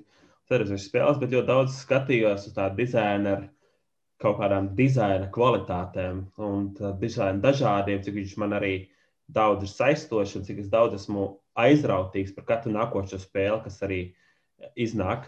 Un, piemēram, man vēl viens, vēl divi godu pieminējumi bija Mārtiņš Valas, ko es esmu izspēlējis. Man ļoti patīk gan Londona, gan Brasa sērijas, bet es pārāk maz racies viņa tālāk. Un vēl viens godu pieminējums bija Vladimirs Sučī, kas ir Lastvils un Prodigāla klubs. Ir ārkārtīgi foršs spēles, Latvijas labāks noteikti. Un man arī patika gan daudz pulsārs. Un, un, un redzēs, kas būs nākotnē ar uh, Underwater Cities, bet uh, viņš vēl man neliekas tik daudz dažādas veidus, veidus lai es viņu varētu ielikt labākajos dizaineros. Bet jā, to, man te ir jautājums, vai Nu, nu, nu. Tev ir kāds dizainers, kurš spēles tev citreiz, tur jau redz, ka tas, tas dizainers tev viņus reiz automātiski neuzrunā parasti. Uh, es negribu būt negatīvs šajā ziņā, jā, bet patiesībā, tad, kad es redzu Feldu vai Rozenbergu, un pat drīzāk arī Kniciju, ja, nu, viss šis te vecais vācu trīnieks, ja, lielais mega, ja, nu, es skatos tā mēreni skeptiski. Nu, tā, jā. Un patiesībā nav pat tik traki. Man ir, man ir tā paša Rozenberga un Uzfjords. Man tiešām ļoti patīk. Man nav pretenziju pret Kavēnu, Bonānas, nu, daudz spēles, jā, bet tāpat es ieraugu, o, atkal Rozenbergs, jā, nu, vai par Feldu nerunāsim. Jā. Tā kā nevis neuzrunā, bet, bet, bet tad es paskatos, ah, nu jā, atkal, atkal kāds no viņiem ir uztaisījis atkal kādu spēli. Jā. 2020, 2019. gada Rozenbergs un tā tālāk. Ja? jā, jā, jā. jā, jā. Zin kā mums kā kreisiem tokenam viņi ir jāpārzina, jā, bet tā kā es rautos viņus meklēt un spēlēt, jā, nu es nezinu. Par voršu patiesībā es tev piekrītu tādā ziņā, ka uh, lai Džeks vēl paaug. Viņš arī man bija apsveramajos, bet viņam ir pamaz vēl spēļu. Tu nevari ar divu gadu darbu tikt kreisā tokena locekļu top 5. Tieši tā. Tas Un nav viņš- reāli. Arī apstājies, viņam ir ļoti foršas tās spēles, bet uh, viņš izšāva visu No 9. Nu, ļauj viņam paaugt. Būs, būs. Un es ceru, ka viņš taisīs arī kaut ko vairāk, kur iedziļināsies. Nebūs tikai Gančam Clever 4 un 5 un 6. Nu, gan šādi Clever 4, 5 un 6 paņems savu enerģiju, ja, bet, nu, rekur Taverns of Tiefenthal es neesmu spēlējis, bet man interesē. Man liekas, ļoti tas interesē. Varētu būt tīri labs. Nu, viņš noteikti nebūs tik labs kā Kvaks, nu, tas ir skaidrs. Ja. Bet, Jā, bet, protams. bet Voršam viņam vēl viss ir priekšā. Ja. Uh, Kas man bija arī grūti, vai viena izcila spēle un citas, kas tev nepatīk vai neinteresē, pacels dizaineri virs tāda, kurš ir saražojis piecus septītniekus, ja? bet neko aizraujošu. Ja? Nu, man bija jācīnās ar to. Bet, jā, nu, kas, tad, kas tad ir mani leņķinekļi, godājamie? Ja? No, no. Man ir Alspaks. Eh, Principā suburbija ir tā viena izcilā spēle, kura viņu ļeņinek, līdz ģeņinekļiem iedabūja. Castles of Mad King Ludwig, kurš ir arī ļoti ok, un kolonija, ko daudzi nezina, man arī tiešām patīk. Es Ļoti godājama izvēle. Jā, ar lielu Pareizi interesi es gaidu viņa 21. gada dizainu Magdevu metro. Izskatās kaut kas stilīgs.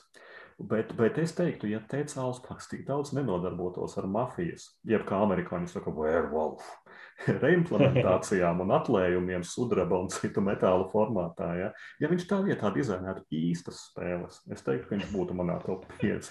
Un vienkārši liekas, kārtēja werewolf bezjēgējums, nu kā man, nu cik jūs Nu, varat kā, viņus kā jau arī naudiņu jāpelnā Nu, tādam. es saprotu, jā, tas tāpat kā Steve's Jacksons ar Munčinu. Tā kā jā, vēl pie leģendniekiem es uh, tikai otru vēl vienu pielieku, un tas ir uh, Aleksandrs Fistens. Uh, Mhm. mm -hmm. Man viņa iecienītākā spēle patiesībā ir of Sky, bet man ļoti patīk arī Mombasa un Blackout Hong Kong. Bet man ir viņa spēles, kas vai nu nepārliecina, kā Brūna servis vai Oh My Goods. Oh My Goods ļoti daudziem patīk, vai arī ir pat man izteikti nepatikušas kā Portrojāli. Ja. Tāpēc viņš palika ārā, jā, bet, bet par šo dizaineru mēs noteikti dzirdēsim vēl iespējams pat šodien. Jā. Viņam viss viņam viss ir ļoti cienījams, cienījams onkls. Jā, jā, jā. jā, jā. Tā, bet es domāju, zin kā, vai ka šoreiz es arī sākšu uzreiz pēc saviem leģendekļiem, jo mana Sāc. pirmā vieta būs tik garlaicīga, ka ar viņu nekādā veidā nedrīkst noslēgt. Visā to, ka nu pārsteiguma nebūs efekta. Tāpēc man ir jāsāk. Jā. Jā, Eh, Es uztaisīju topu, es atklāju, ka esmu vecs garlaicīgs onkulis. Eh, Manā piektajā vietā ir eh, tikpat vecs un garlaicīgs onkulis, bet nē, viņam fantāzija labi strādā. Tas ir Bruno Faidutī. Eh, Viņa spēles zināmākās jā, eh, ir, protams, Citadels. Nu, vecs un vecs favorīts. Jā. Bet starp spēlēm jāmin arī Mission Red Planet, Raptor, uh, Diamant, Ink and Gold, Mystery of the Abbey, Isla Dorada, Red November, Secrets. Šīs ir visas spēles, kas man patīk. Tiešām patīk. Un kas ir tas Faidutī raksturlielums? Viņš uztaisa kaut kādu, viņ, viņ, viņam dažas spēles sanāk, viņš uztaisa kaut kādu absolūtu bardaku spēlē. Un dažas absolūti izgāžas. Piemēram, spēle Masquerade, kas viņam arī bija viena, kur, kur, kur ir 14 dažādas lomas, un spēlētāji paši e, mainās slepeni ar viņām, un tad pats nezina, kāda loma pie tevis ir, un tad kāds var apstrīdēt un teikt, ka tu esi tas, un tu vari teikt, nē, es neesmu, un abi nedrīkst skatīties, vai tiešām ir. Nu, nu, dažreiz vai dutīs sanāk tāds sviests, bet uh, citadeles es joprojām uzskatu, ka ir meistardarbs. Lai arī mūsdienu apstākļiem nedaudz par garu tā spēle ir un tā, bet tas, kāda tā bija tajā brīdī, kad tika izdota. Ja? Un, un, un, un, un šī lomu struktūra, ko viņš spēlēs, ievieš tas pats Raptors, kur viņš gan nebija vienīgais dizainers, jā, mm -hmm. bet šis pats Raptors, kur arī ir super asimetriska spēle, kur ir redzama faidutītas rokraksts, ka uztaisām atšķirīgas lietas. Tas ir pirms vēl kļuva populāras frakcijas, tas ir pirms, nerunāsim pat par saitu, tas ir pirms Smallvolda vai vēl kaut kur, jā. Faidutī jau taisīja dažādās asimetriskās lietas. Ja?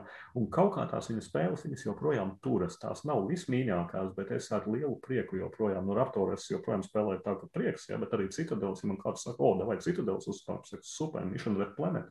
Jā, lieliski, diamants, jā, nu, absolūtais pušo laks, jā, why not, ja laba kompānija. Tā kā, jā, piektā vieta, Bruno Faidutī vecmeistars. Noteikti labs daudz spēles, man viņš neiekļūt topā, bet uh, man patīk daudz no tām noteikti Raptors ir viens no favorītiem šī viņa gadījumā, un Mišana Planet viennozīmīgi. Mm -hmm. Kā mhm. lieliski, lieliski, lieliski izvēle. Un ar prieku spēlēšu. Spēlēt Pierādi, ka tu neesi vecs onkulis un izvēlies kādu jaunu. Es ar pirmo nepierādīšu. Pirmais man ir visa senilākā izvēle no visām, un tas ir Uve. Uve Rozenbergs. Es viņu... nu, labi, ka nesīts saksons. es viņu nevarēju neielikt. Es skatījos spēles, kas man patīk, ja dizaineriem un Uve man ļoti daudz. Man patīk gan Feasts, gan Patch. Man, es esmu ļoti liels Patchwork fans. Divas spēlētājas spēlē viena no labākajām, manuprāt. Un joprojām, manuprāt, labākā uh, gudrie vadā Poliamano, bet tā, cilvēks saprot, tā Tetris spēle, kas ir uh, Nusjorts, uh, ir, manuprāt, arī top spēle. Man ļoti patīk Lahavra, Agrikola, Forša. Un tas, kāpēc izvēlēs Uvi, viņam raksturs ir, viņam ir supergalēcīgs tēmas. Reāli pietiek Uvi. Tiešām pietiek taisīt tas. Tagad tā kā Halatovs, kā viņš saucās. Halatovs izskatās rīktīgi, rīktīgi interesants. Tas ir par apiņiem un alu. Tā ir pirmā negarlaicīgā tēma.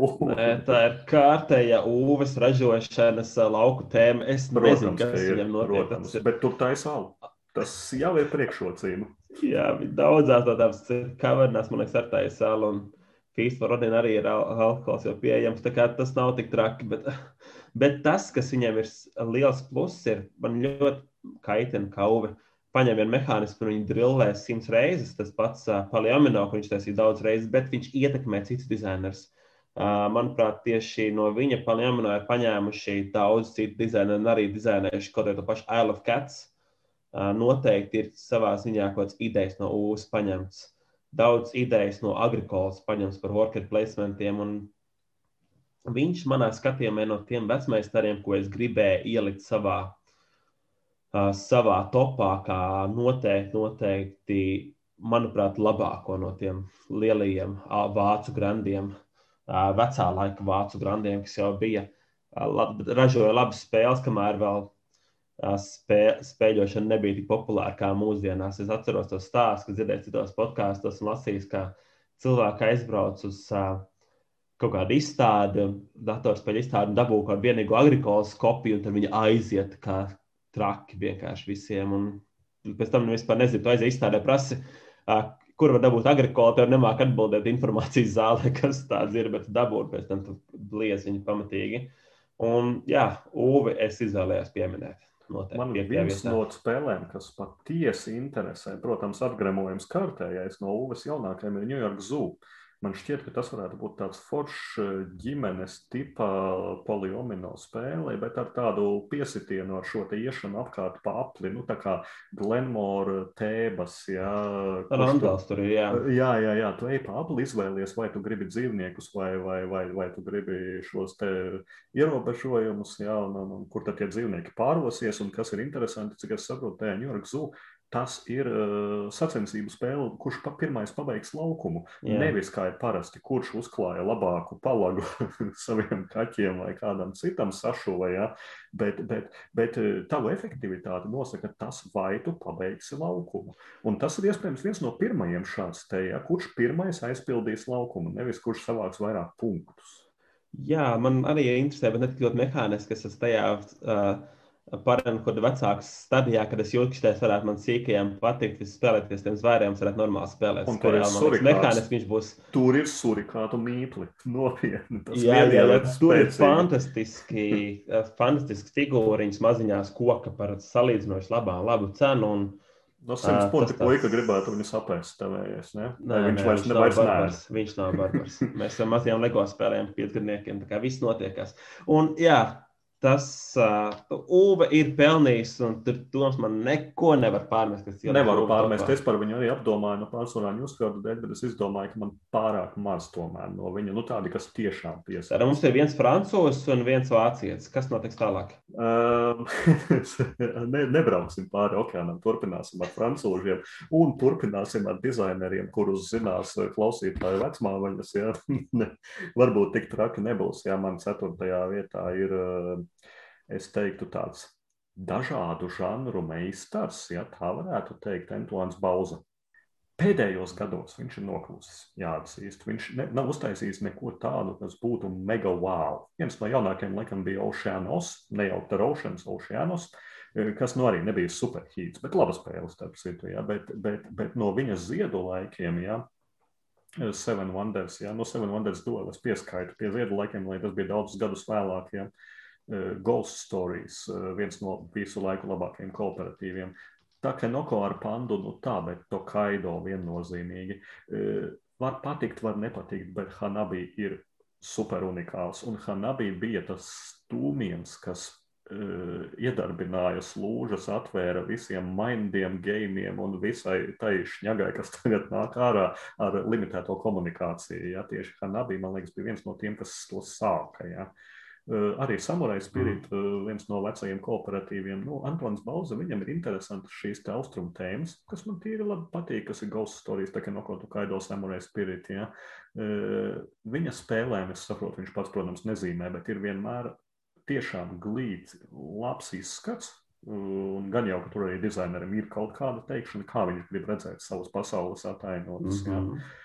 Un uh, es ļoti gribētu viņa renesansi, tāpat kā tagad renesanšojās šogad liekas check games ar divām lieliskām spēlēm. Antons Pauza varētu 21. pēkšņi izdot atkal kaut ko rīktīgi foršu, jo tie mehānismi, mēs skatāmies Seven Wonder, Tīvs drafts, Ghost Stories, kooperatīvs, Tokaido, ja, super ģimenes spēle, kur tu vienkārši ej uz priekšu, ja, Hanabi, kāšu spēle, kur tu neredzi kārtas, Oceano, style placement, ja, draftingi, vēl kaut kas, ja, nu, viņam ir, viņam ir tik daudz mehānismu, tas nav Uves stila pieeja, tagad es dabūju šito te poliomino un es taisu spēles vienu pēc otru tādā veidā, neapstrīdot Uves mehānismus. Viņam, ja mēs runājam par spēļu mehānismu, viņam noteikti ir vairāk kā Bauzam, ja, bet Bauzam katra spēle liekas savādāk.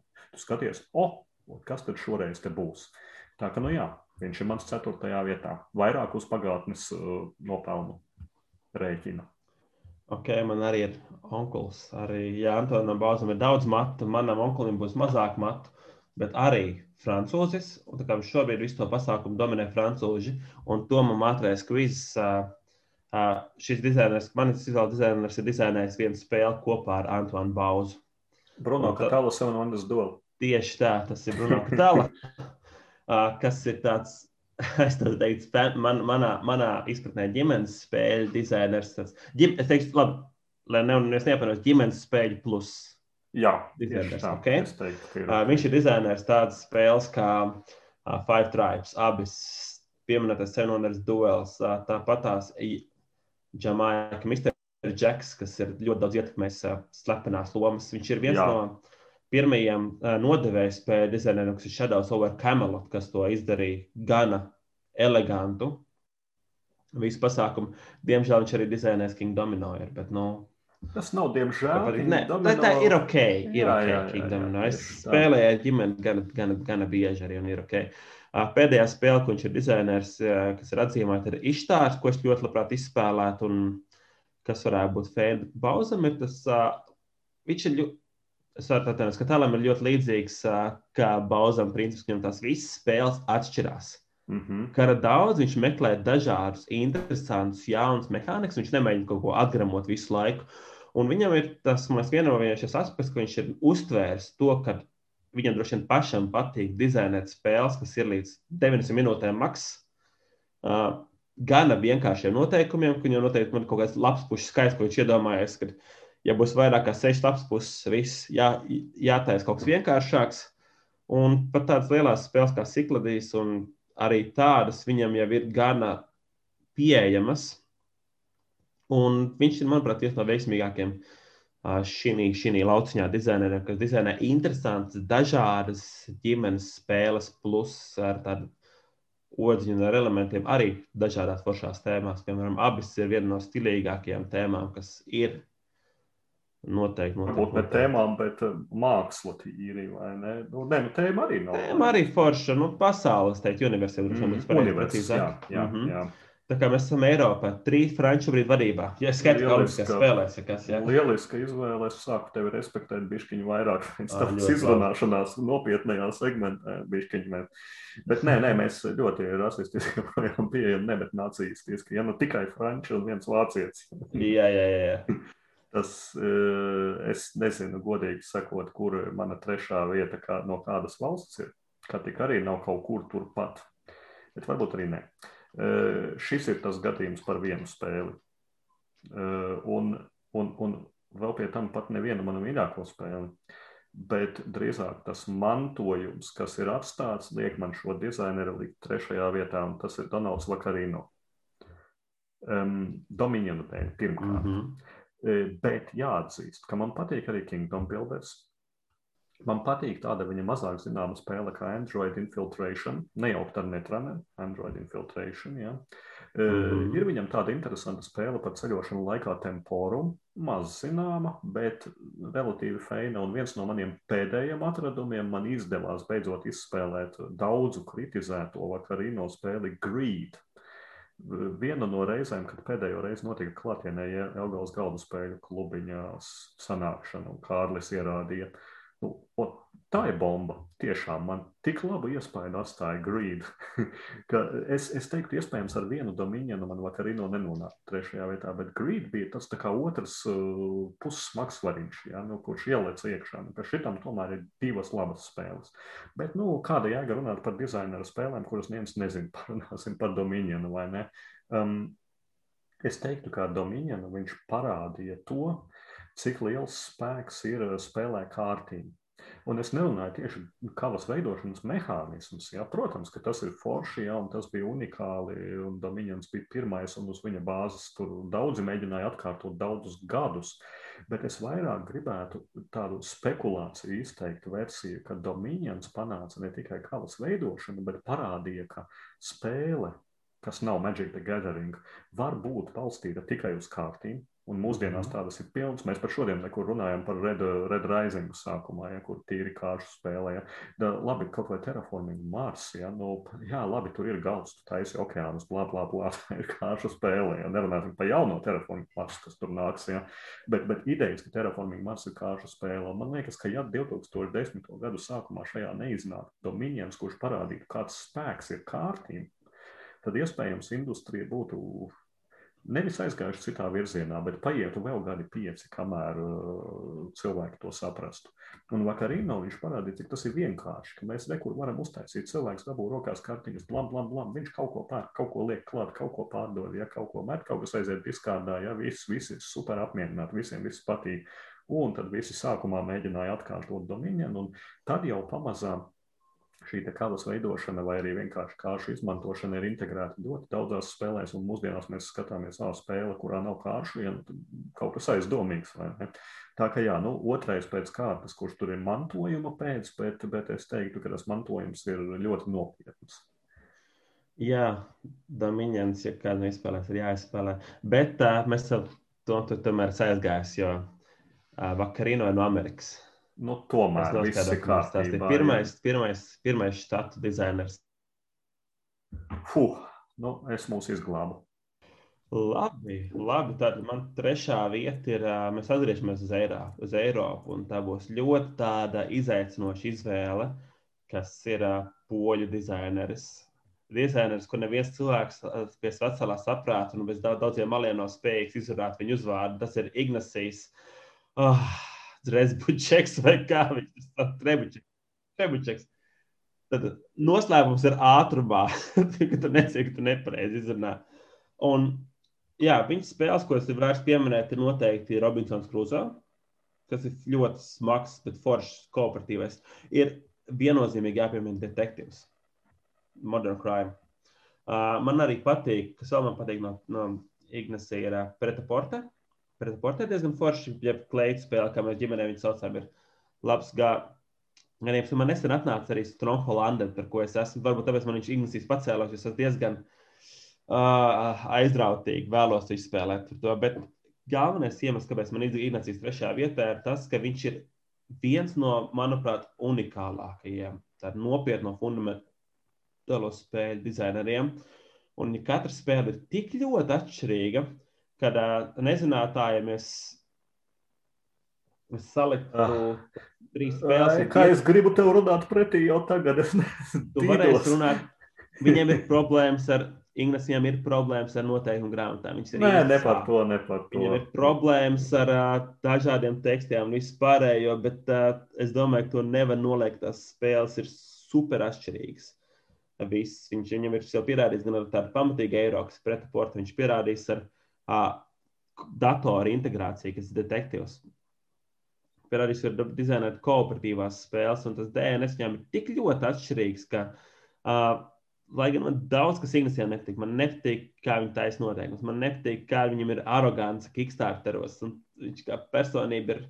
Uh, viņš ir. Uh, Lūk, viņu vajadzētu uz tas cīnī vietā uzsēdēt kādreiz. Tas ir tieši, tiešām droši, bet uh, tās viņa spēles man fascinē, ir liekas interesants un, un tik, tik atšķirīgs, viņš, manuprāt, ir pelnījis tik augstu. Un tagad var runāt pretī. Uh, Oi, kā es tev, es tev par visu ko varu runāt pretī. Pirmkārt, par, uh, nu, tieši par šīm personības īpašībām. Patiesībā viņš man liekas, ka ir nevis lecīgs un arogants, bet tieši tāds introverts. Viņš ir introverts, kurš mēģina šādā veidā notušēt problēmas sociālajā komunikācijā. Nu, mēģinot, bet, bet viņam arī ļoti patīk reklamēt, un viņš ir eh, ļoti kaislīgs par to, ko viņš dara. Tāpēc viņš var likties. Viņ, ja viņš saka, ka cits dizainers gana nereklamē spēli, tad viņš tā arī pasaka, ja cits tur mēģinātu izlaipot. Ja. Um, Kas Ignācijam man tiešām, nu, man viņam patīk tas, ka viņš ļoti daudz dalās ar sabiedrību par to, ko viņš dara, taisot video blogus, vēl kaut ko no Knicijas, piemēram, nekad mūžā tādu neko nedzirdētu. Ja? Viņš stāsta, kā viņš dizainē spēles, viņš mēģina rakstīt grāmatas un visu ko. Ja? Nu, tas tādēļ vien, es pilnīgi piekrītu, ka viņam būtu jābūt topā. Tas, kādā formātā viņš komunicē ar sabiedrību un kāds viņš var šķist kā cilvēks, tas ir viena lieta, bet otrā, ka viņš ļoti mēģina to darīt. Un tā, par to viņam ir liels respekts. Es gribētu, lai to dara vairāk dizaineri. Tiešām tā kā Ignācijas rakstīt blogu, taisīt video, stāstīt par savām spēlēm. Patiesībā tā dara tikai divi dizaineri. Jā, viens no tiem ir Ignācijas. Mm -hmm. Bet par šo spēļu dažādību man ir tāda jūšana, ka katru reizi, kad Ignācijas paziņo savas jaunās spēles, es skatos, tu atkal pārtaisi to pašu, kas tev jau ir. Atkal pārtais. Jā, nē, tad, kad tu nosauc, ne, nu, protams, viņš pārtaisa tos lielos naudas pelnošos. Jā, bet viņš pārtaisa viņus un atgremo un atgremo un atgremo. Kā viss sākās 51st State. Pēc 51st mm -hmm. State bija New Era, pēc tam bija Imperial Settlers, pēc tam bija 51st State Master Set, kas visi ir viena spēle. Jā, un tagad ir Emperor of the North, vai kā viņš uh, nu, kas ir bišķiņa savādāka jā, spēle, jā, jā. jā bet, bet arī principā tā pati spēle. Jā.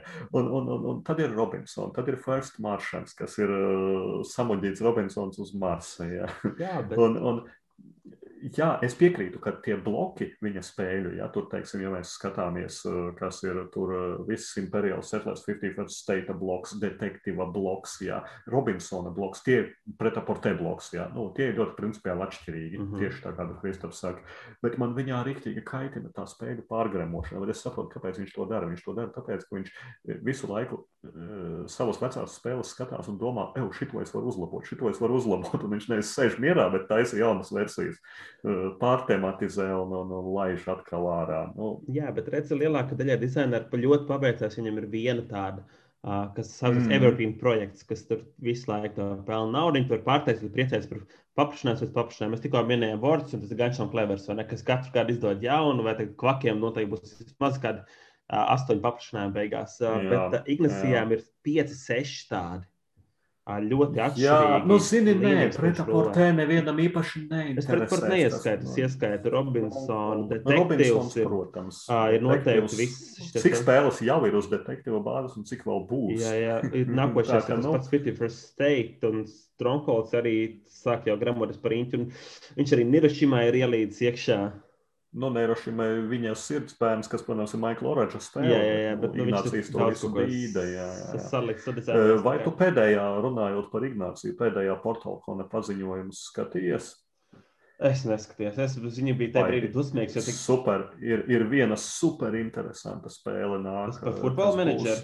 Futbola mm -hmm. menedžers. Nu, es, es neesmu spēlējis pret aportē, bet es saprotu, tā nav izgāšanās kā minimums. Un, un, un tematiski futbola menedžers, ja kā laba ekonomiska spēle, nu es gaidu ar milzīgu nepacietību. Ja es ticu, ka Ignācijs var kaut ko izspiest. Nu, viņš ir milzīgs futbola fans. Viņš ir milzīgs futbola fans. Viņš ir vispār milzīgs sporta fans, bet futbolu visvairāk, ja viņš ņem atvaļinājumus, kad ir turnīri. Jā, jā, jā, jā, tas varētu būt. Bet ok. Labi štēle. Pietiek par Ignāciju. Paņemsim, paņemsim manu divinieku no, arī no riktīgas futbola nācijas. es nevaru atkāpties no tiem večiem. Es nevaru. Man otrajā vietā ir tāds dizaineris, kur, ja man teiktu, ka viņš man būs top 5, es teiktu, nē, tas gan nebūs. Bet izrādījās, ka viņš ir kā e, pirmās divas vietas, man ir gaismas gadus priekšā trešajai, nu, kur bija vakarīno. Ja? Yeah. Gaismas gadus. Un, un, un katru reizi, kad šo dizaineru cilvēku sauc par savu mīļāko, es domāju, ka nē, viņam taču nekā nav. Un, un man nācās viņam, viņš, viņš izrādījās, ka man ir otrajā vietā. Ja? Tas ir Bruno Katāls. Mm -hmm. Tāpat kā Kristapam. Uh, kā jau tu minēji, Seven Wonders Duel, Five Tribes man personīgi nepārāk patīk. Man daudz labāk patīk Jamatai. Jā, viņš abas ir izcils spēles. Protams, King Domino, kā drīzāk kā ģimeņu iesaistīšanai, ja, lietas, ko tu minēji, tu minēji, ka Katalam ir spēle kopā ar Bauzu, bet viņam ir spēles kopā arī ar Bruno Faidutī, kas ir Mission Red Planet, mm -hmm. kas ir Raptors. Viens no viņiem noteikti dizainēra dinozauru, viens no viņiem zinātniekus, vai ne? E, tieši tas, ko Kristap tu minēji, Shadows of Camelot, nu lielisks vecmeistars darbs, abis, ja Mr. Jacks, e, vēl no neminētiem Kanagāva. Kleopatra un Society yeah. of Architects. Un tad dažādi šie te Days of Wonder vecie tituli, bet patiesībā it kā liekas, kas tad, kad talam ir, bet tagad tu sāc skaitīt tās kādas desmit reāli labas spēles. Neizcilas, ne tā, neviena no šīm spēlēm nav tāda, kurai es liktu pat devītnieku, neviena. Bet kopumā tas izlīdzinās visas tādām uh, tādā lieliskā paletē ar tieši tā kā Kristaps minēja šīs Family Plus spēles. Jā, tieši mans, nu, varbūt, ka man patīk nedaudz vēl viena pakāpe augstāk, ja tā, tie medium eiro, bet, nu, Jamatais Hype Trades noteikti jau velk uz medium eiro, jā. Un, un, un Bruno Katāla, viņš joprojām turpina ražot spēles, un es domāju, ka viņš gan jau vēl uztaisīs kaut ko interesantu, lai turpinātu palikt top 5 niekos. Viennozīmīgi, viennozīmīgi izcils izvēle. Man liekas, ka, ja tev ir tāda laba kolekcijā, vairākas katālas spēles, tev ir diezgan droši, ka tu būsi nostājis ļoti plašu auditoriju ar labām spēlēm, kuras arī tiks uz galda mm. izvilktas atšķirībā no dažas labas Ignācijas spēles? Jā, tas, tas nav maz svarīgi. Un man tā varētu kā tomam, otrā vieta arī, un pirmā vieta ir diezgan tālu priekšā pārējiem, tiešām tālu. Un man otrajā vietā ir um, mans uh, mīļākais itāļu mafijas biedrs, uh, kas savā ziņā tas cīnīja arī ievilks. Vismaz ar divām spēlēm šiem tiekšā. Bet uh, es skatījos ļoti daudz itāļu mafijas džekiem. Man vairāk patīk Simoni, Simoni Luciani kas ir autors Zolkinam, Marko Polo. Labi, labi, ka ne Turcija. Jo tad Emīls teiktu, ka tas nav no Itāļu mafijas. Nē, Turcija var stāvēt, sēdēt savā Horvātijā. Marko Polo viņš ir autors Newtonam, barāžai, kas ir man viss fantastiski ļoti patīk tās spēles. Tāpat tās es pēdējā laikā es, es, es esmu nokikstārtojis to trako Darvinu spēli. Gaidīšu, ka nākošais uh, atnāks. Forš. Un zinu, ļoti daudz mums zināms spēlētājs, kas arī nokļūst, viņi ir un nāks. Un es ļoti gribētu izspēlēt gan Lorenzo Magnifico, kas man liekas, varētu būt. Jā, Absolute, tas man arī tiešām interesē. Man mazliet biedēja Grandas arī Hotel, ka viņš pārstāv divas spēlētājas spēli, bet tas man ļoti, ļoti interesē. Un Simon Lučānies noraksturot, kā mēs uh, sākām ar sarunu par Feldu diezgan daudz šī dizainā. Simon, ja Felds ir kā teiktu, 2000. gada sākuma dizainers Simons Lučānijas. Pats uh, viņš ir savā ziņā daudz ko dara. Līdzīgi kā Fels ir daudz puņu, punktus, iespējams, tas būtu dažādos veidos, var kaut ko kombinēt, bet viss ir tik ļoti interesantāk, svaigāk, krāsaināk, kad uh, es iedomājos, ka arī par Feldu spēlēm, es iedomājos, pēc tam iedomājos, ok, es varu spēlēt uh, Trajan, kas ir pieņemta, ka ir fantastiski laba spēle, bet ar spēli kaut ko no Lučānī, kas būs arī vizuāli interesantām izvēlēm un foršu, uh, foršu dizainu un asketismu. Un plus viņi tagad ir ļoti, ļoti karsta dizaineri. Visa tā itāļu banda vienkārši laiž vienu pēc otru hītā ārā. Tās spēles viņi ir atstrādājuši pamatīgi. Manuprāt, tur viens no pamatiem un fundamentiem ir tas, ka viņiem ir uh, uztaisīta vide, kur viņi labi testē tās spēles un dabū adrenalisko saiti. Luč... Acīm redzot, mm, jā. Lučijānai kaut ko uzstājas, Nestors, un tas cienījums uzreiz pasaka, šitais ir. Uh, šitais nav gan rasistisks, tā ir citādi. Jā, jā, jā. pasākumu. Iedzer savu sangri Itālijā un blieži. Bet, uh, jā, es, es zinu arī, ka to man vairāk Lučijānī spēles patīk gana labi. Un, jā. Ir, ir. Un es domāju, ka tieši tā kā tu saki, Kristap, ir uztaisīts atspēriens, ka no viņiem, nu, no visiem itāļiem, šitiem, izņemot varbūt tā šī, mēs nezinām, ja, bet turpinās nākt šīs spēles labie eiro, ja tādi vidēji smagie, ja, jā. gan jau, ka turpinās. Nu, viņi ir par vienu solīti tālāk, kā Bruno Katālas teikt, tas smagi, jā, par jā, vienu, varbūt ir. par diviem soļiem tālāk. Viņi tā kā, Daži par pus diviem Viņiem ir tā kā jā. jau mhm. gamer, gamer un gamer plus spēles iekšā, un, bet uh, visas ir atšķirīgas gana gan interesants. Vienīgā kopīgā lieta, ka daudz, daudzām tā tematika nav tas galvenais dzinums, ar ko spēlē ienāk. Mm. Bet, jā, nu labi, stāst par savu džēmiju. Tātad, ja mēs paņemam un izmetam no universālas saitu, saitu nav, nav tādas spēles vispār, viņa nekad nav bijusi. Jā. Un, un, un, un, un uh, tas nemainītu pirmo vietu vispār ne pa kapeiku. Uh, pirmā vietā ir Džemijs Stegmājs uh, ar spēlēm. Viticultures, Tapestries, Charterstones un Euphoria. E, visas šīs četras spēles ir manā top desmitniekā. E, tā kā es teiktu, ka šīm četrām vitikultūrām, Tapestriem, Charterstonam, Euphoria ar laiku pienāks arī Red Rising kā kaut kas interesants un izcils. Redzēsim, jā. Bet, bet, bet tur nav īpaši lieki ko vēl šajā sakarā runāt. Ja? Nu, e, dizaineris ir labs ne tikai tādā ziņā, ka viņš dizainē, jā, viņš dizainē ar kļūdām. Viņš pēras bieži vien tāpat kā Ignācijas. Jā, dabūt pačot, pārtaisīt vēl kaut ko. Jā, jā. jā bet, bet nu, kam nav kļūdas? Nu, nu, tas ir viss ir ok. Ja galvenais, lai beigās iznāk laba spēle. Jā, kādreiz var pukoties par agru nopirku Džemijas spēli, vajadzēja otro dišanu gaidīt. Nu, arī jau būtu. Bet, bet, bet vairāk es teiktu, arī es viņu ļoti cienu par to, par ko daudzi kritizē un izsmēja. Visi saka, ka tā ir hypa veidošana. Tā ir nevis hypa veidošana, bet viņam patīk komunicēt ar savu klientu, viņam patīk komunicēt ar mērķa auditoriju, viņam patīk taisīt rakstus, viņam patīk taisīt video. Un kas, ko es ļoti augstu vērtēju, viņš atzīst, no kā viņš gūst iedvesmu. Viņam ir visu laiku regulāri, bez maz vai katru svētdienu, top desmitnieki ar viņa citām dažādu žanru mīļākajām spēlēm. Ja.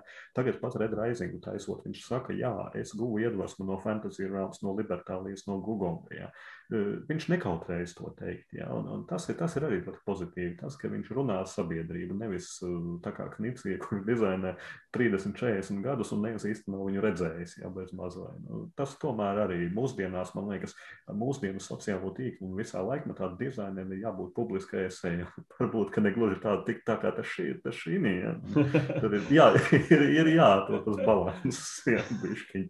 Bet es saku, universā, kurā nav saita, es esmu ļoti bēdīgs, ja viņa nav, jā, bet, bet, bet esmu ļoti priecīgs, ka mums ir vitikultūras, tāpēc tik Charterstones euforija, izcilas četras spēles, jā, Džeimijs tāpēc pirmajā vietā garantē. Jā, manuprāt, ļoti labi izvēle. Mans, mans mīļākās tēmēs spēles ir man ārkārtīgi patīk vitikultūras un ārkārtīgi patīk euforija. Abas ir superīgas spēles par atšķirīgām tēmām, un tas ir viennozīmīgi liels pluss.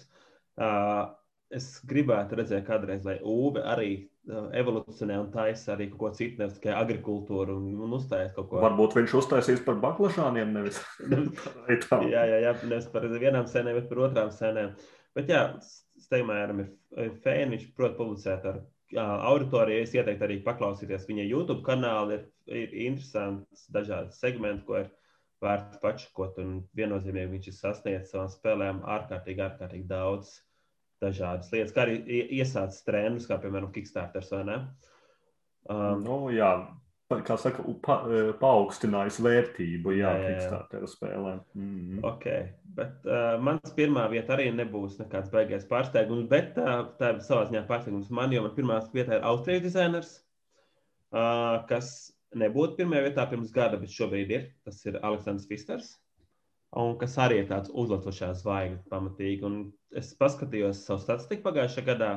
Es esmu izspēlējis Mombasu divreiz, Great Western Trail septiņas reizes, Hongkongu piecas reizes, Isle of Sky četras un vēl šo to mazo.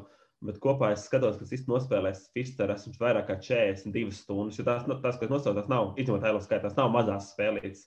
Es ja salieku Hongkongu, spēlēs viņu trīs stundas kā garantēt, vai ne? Uh, Un tas ir divas, divas pilnas dienas, ko es izspēlēju Fister. Esmu un man baigi patīk. Baigi patīk tas dziļums un tās izvēles. Un viņš arī ir no tiem cilvēkiem, kas dizainē dažādas, jaunas un interesantas mehānikas. Piemēram, Great Western Trail ir ārkārtīgi forši, ka tur viss tas ceļš ir tās milzīgas rondeles, kur darbojas un tur pārdod. Un tās izvēles ar dažādām kārtīm ir ļoti, ļoti daudz. Un Viņi spēlēs bieži vien tur jāgrauž nāgi par to, ka bācis nespēja visu izdarīt. Man viss tās kārtas aizies projām. Tev. Uh, Pisterā, man liekas, ir visizteiktākais uh, tas, ko es jūtu, ka tev ir ārkārtīgi daudz sarežģīts, nozīmīgs izvēles katru soli. Un to es spēlēju, vērtēju daudz un dikti. Plus, viņš tāds ļoti versatils dizainers. Man patīk viņa smagās spēles. Es neesmu ar Kaibo spēlējis. Varbūt viņš būtu vēl augstāk. Man patīk ļoti I Love Sky kas ir superīgi tēlīga un izsoļu spēle. Atšķirībā no to man patīk arī brūmu servis. Nē, es nesaku, ka nepatīk brūmservis. Man ir, respektīvi, es biju no viņa gaidījis daudz vairāk. Nu, viņš jau par spildes jāri. Tie nominī, man liekas, vai Kenneri viņš dabūja. Kenneri viņš dabūja, jā. dabūja, jā. Nu, lūk, no Kennera es gaidu Istanbulu, nevis brūmservis. Nu, jā, saproti, jā. ko es domāju. Jā, es neesmu spēlējis viņa mazās spēles, un es īpaši negribu spēlēt tās mazās spēles. Es arī skatos viņa tā karjerā, uh, ka viņš ir tām, tām spēlēm sāk, un tagad viņš pārgājis lielajām. Lai gan tās potenciāli tās pēdējās spēles, kas viņam tagad iznākušas, varētu nebūt tik mega hiti. Uh, jo Cloudage ir nu, tā, savu so, savu. So, Un tas uh, Monster Expeditions ir. Es noskatījos, kā viņi spēlē. Man liekas, ka tas ir figņa. Mm. Tā kā, jā, bet tās pārējās, tie grandi, kas ir uh, top simtniekā iekšā, tie ir pamatīgi, pamatīgi grandi un ļoti, ļoti spēcīgi. Es domāju, kuru, uh, kuru, kuru nāciju nākamo vai rasi šis lieliskais dizainers, kurš galīgi nav tā kā tas šīnī paņems priekšā nākamo. Tad viņš ir bijis Dienvidāfrikā uz, uz, uz tumšām no asinīm balstīts dimantu industrijas super. Jā. Viņš ir eh, bijis Marakaibo jā, ar visiem eh, klasiskajiem Puerto Rico vergiem un tā tālāk. Jā. Jā. Great Western Trailā nav kaut kur kādi indiāņi apbežoti vai nav? Gan jau, ka ir. Ir, ir, ir tur indiāņiem. Ir, nu, re, viņš tad arī Indijā paņēmis priekšā indiāņus. Ok, viņam vajadzētu pārūt, uz kura pasaules daļu viņš vēl varētu aizbraukt un uztaisīt. Es domāju, ka aborigēniem lai... jānāk. Ir aborigēni ir nākamie kārtīgi ierādīt viņiem lietu. Jā, jā, jā. Bet viņam Atšķirībā no tā šī neviens neko nepateiks. ka Pisters ir lielāks rasists kā tas šī šajā gadījumā. Lai gan no viņa spēles nevienā vietā nav rasistisks. Um, Nē, nu, protams, ka nav nu, vēsture vispār. Mm. ja tu teiksi, ka vēsture nav rasistiska, tad mūsdienās to dabūt pa smuķiem. Bet vēsture ir vēsture. Ja tā ir uz vēsturi bāzētas okay. spēles, tad. Jā, bet Fisters, mans numur viens, redzēs, pēc arī saglabāsies. Viņš ar Lučiāni ir var pacienīties vēl atšķirībā, kādas būs tās nākušās spēles. Varbūt, kad Dārvins visu mainīs. To nevar zināt. Diez vai. Bet, nu, lai jau tā būtu. Mm. Jau tā būtu. Okay. Nu, es pagaidām neredzu, ko var mainīt manā vecā onkuļa kur Džeimijs ir jaunākais. Diezgan briesmīgi, ja, bet nu, tu vismaz pie, piesities kādiem mūsdienu stāriem. Jā, jā, man vismaz divi ir tādi. Nu, Ignācijs jau var vairāk skatīties par mūsdienīgiem dizaineriem. Nu, Bet viņš tāds jā. pārējais laiks. Jā, jā, jā, jā, jā. Viņš ir tā kā hipsters dīvainais ar visādām neirošīmām un RPG. un Jā, jā, Pusē jā, jā. sazina, kas tur Bet tāds. mēs noskaidrojām, ka Jā. labākie dizaineri dzīvo Francijā. Tā sanāk, jā, pagaidām. Itālija, nu, bet vispār Eiropā stabili, vai Jā, ne? jā. Amerika, kreisais tokens anoncē, ka amerikāņi muļķi. Redzēsim, kā mums tas rezultēsies, ja, bet viņu spēles ir figņa. Un, un nekas viņiem nesanāk. Cerams, ka sanāks. Cerams, ka kādreiz arī amerikāņi tiks mūsu topos ar Tieši kādu tā. veidu. Ja neskaidrs, protams, Džeimija vai ne, un vakarīnā. Nu, Džeimijs, es saku, izņēma apstiprina likumsakarības. Jā. Tas ir, tas ir vakarīno jau arī viņš tur tāds. Viņš jau droši vien nav Viens. nemaz amerikānis. Viņš atnāk uz SM. Viņš drīzāk ka nav. Tas nekas, ka viņš ir Donalds. Trumps arī nav amerikānis visdrīzāk. Jā. Viņš meksikānis patiesībā. Un sienu viņš gribēja būvēt, lai viņu nevad atpakaļ. Okay, Jā, okay. ok. Es domāju, ka šodienai pietiks, vai ne? Jā, Februāris. Februāris pavadīs klausoties mūsu. Cerams, Izcilākā lieta, ko darīt Valentīna dienā.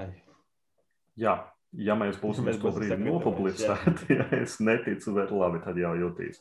Gan jau, labi, tad jau viss tā tā. Tā, tā.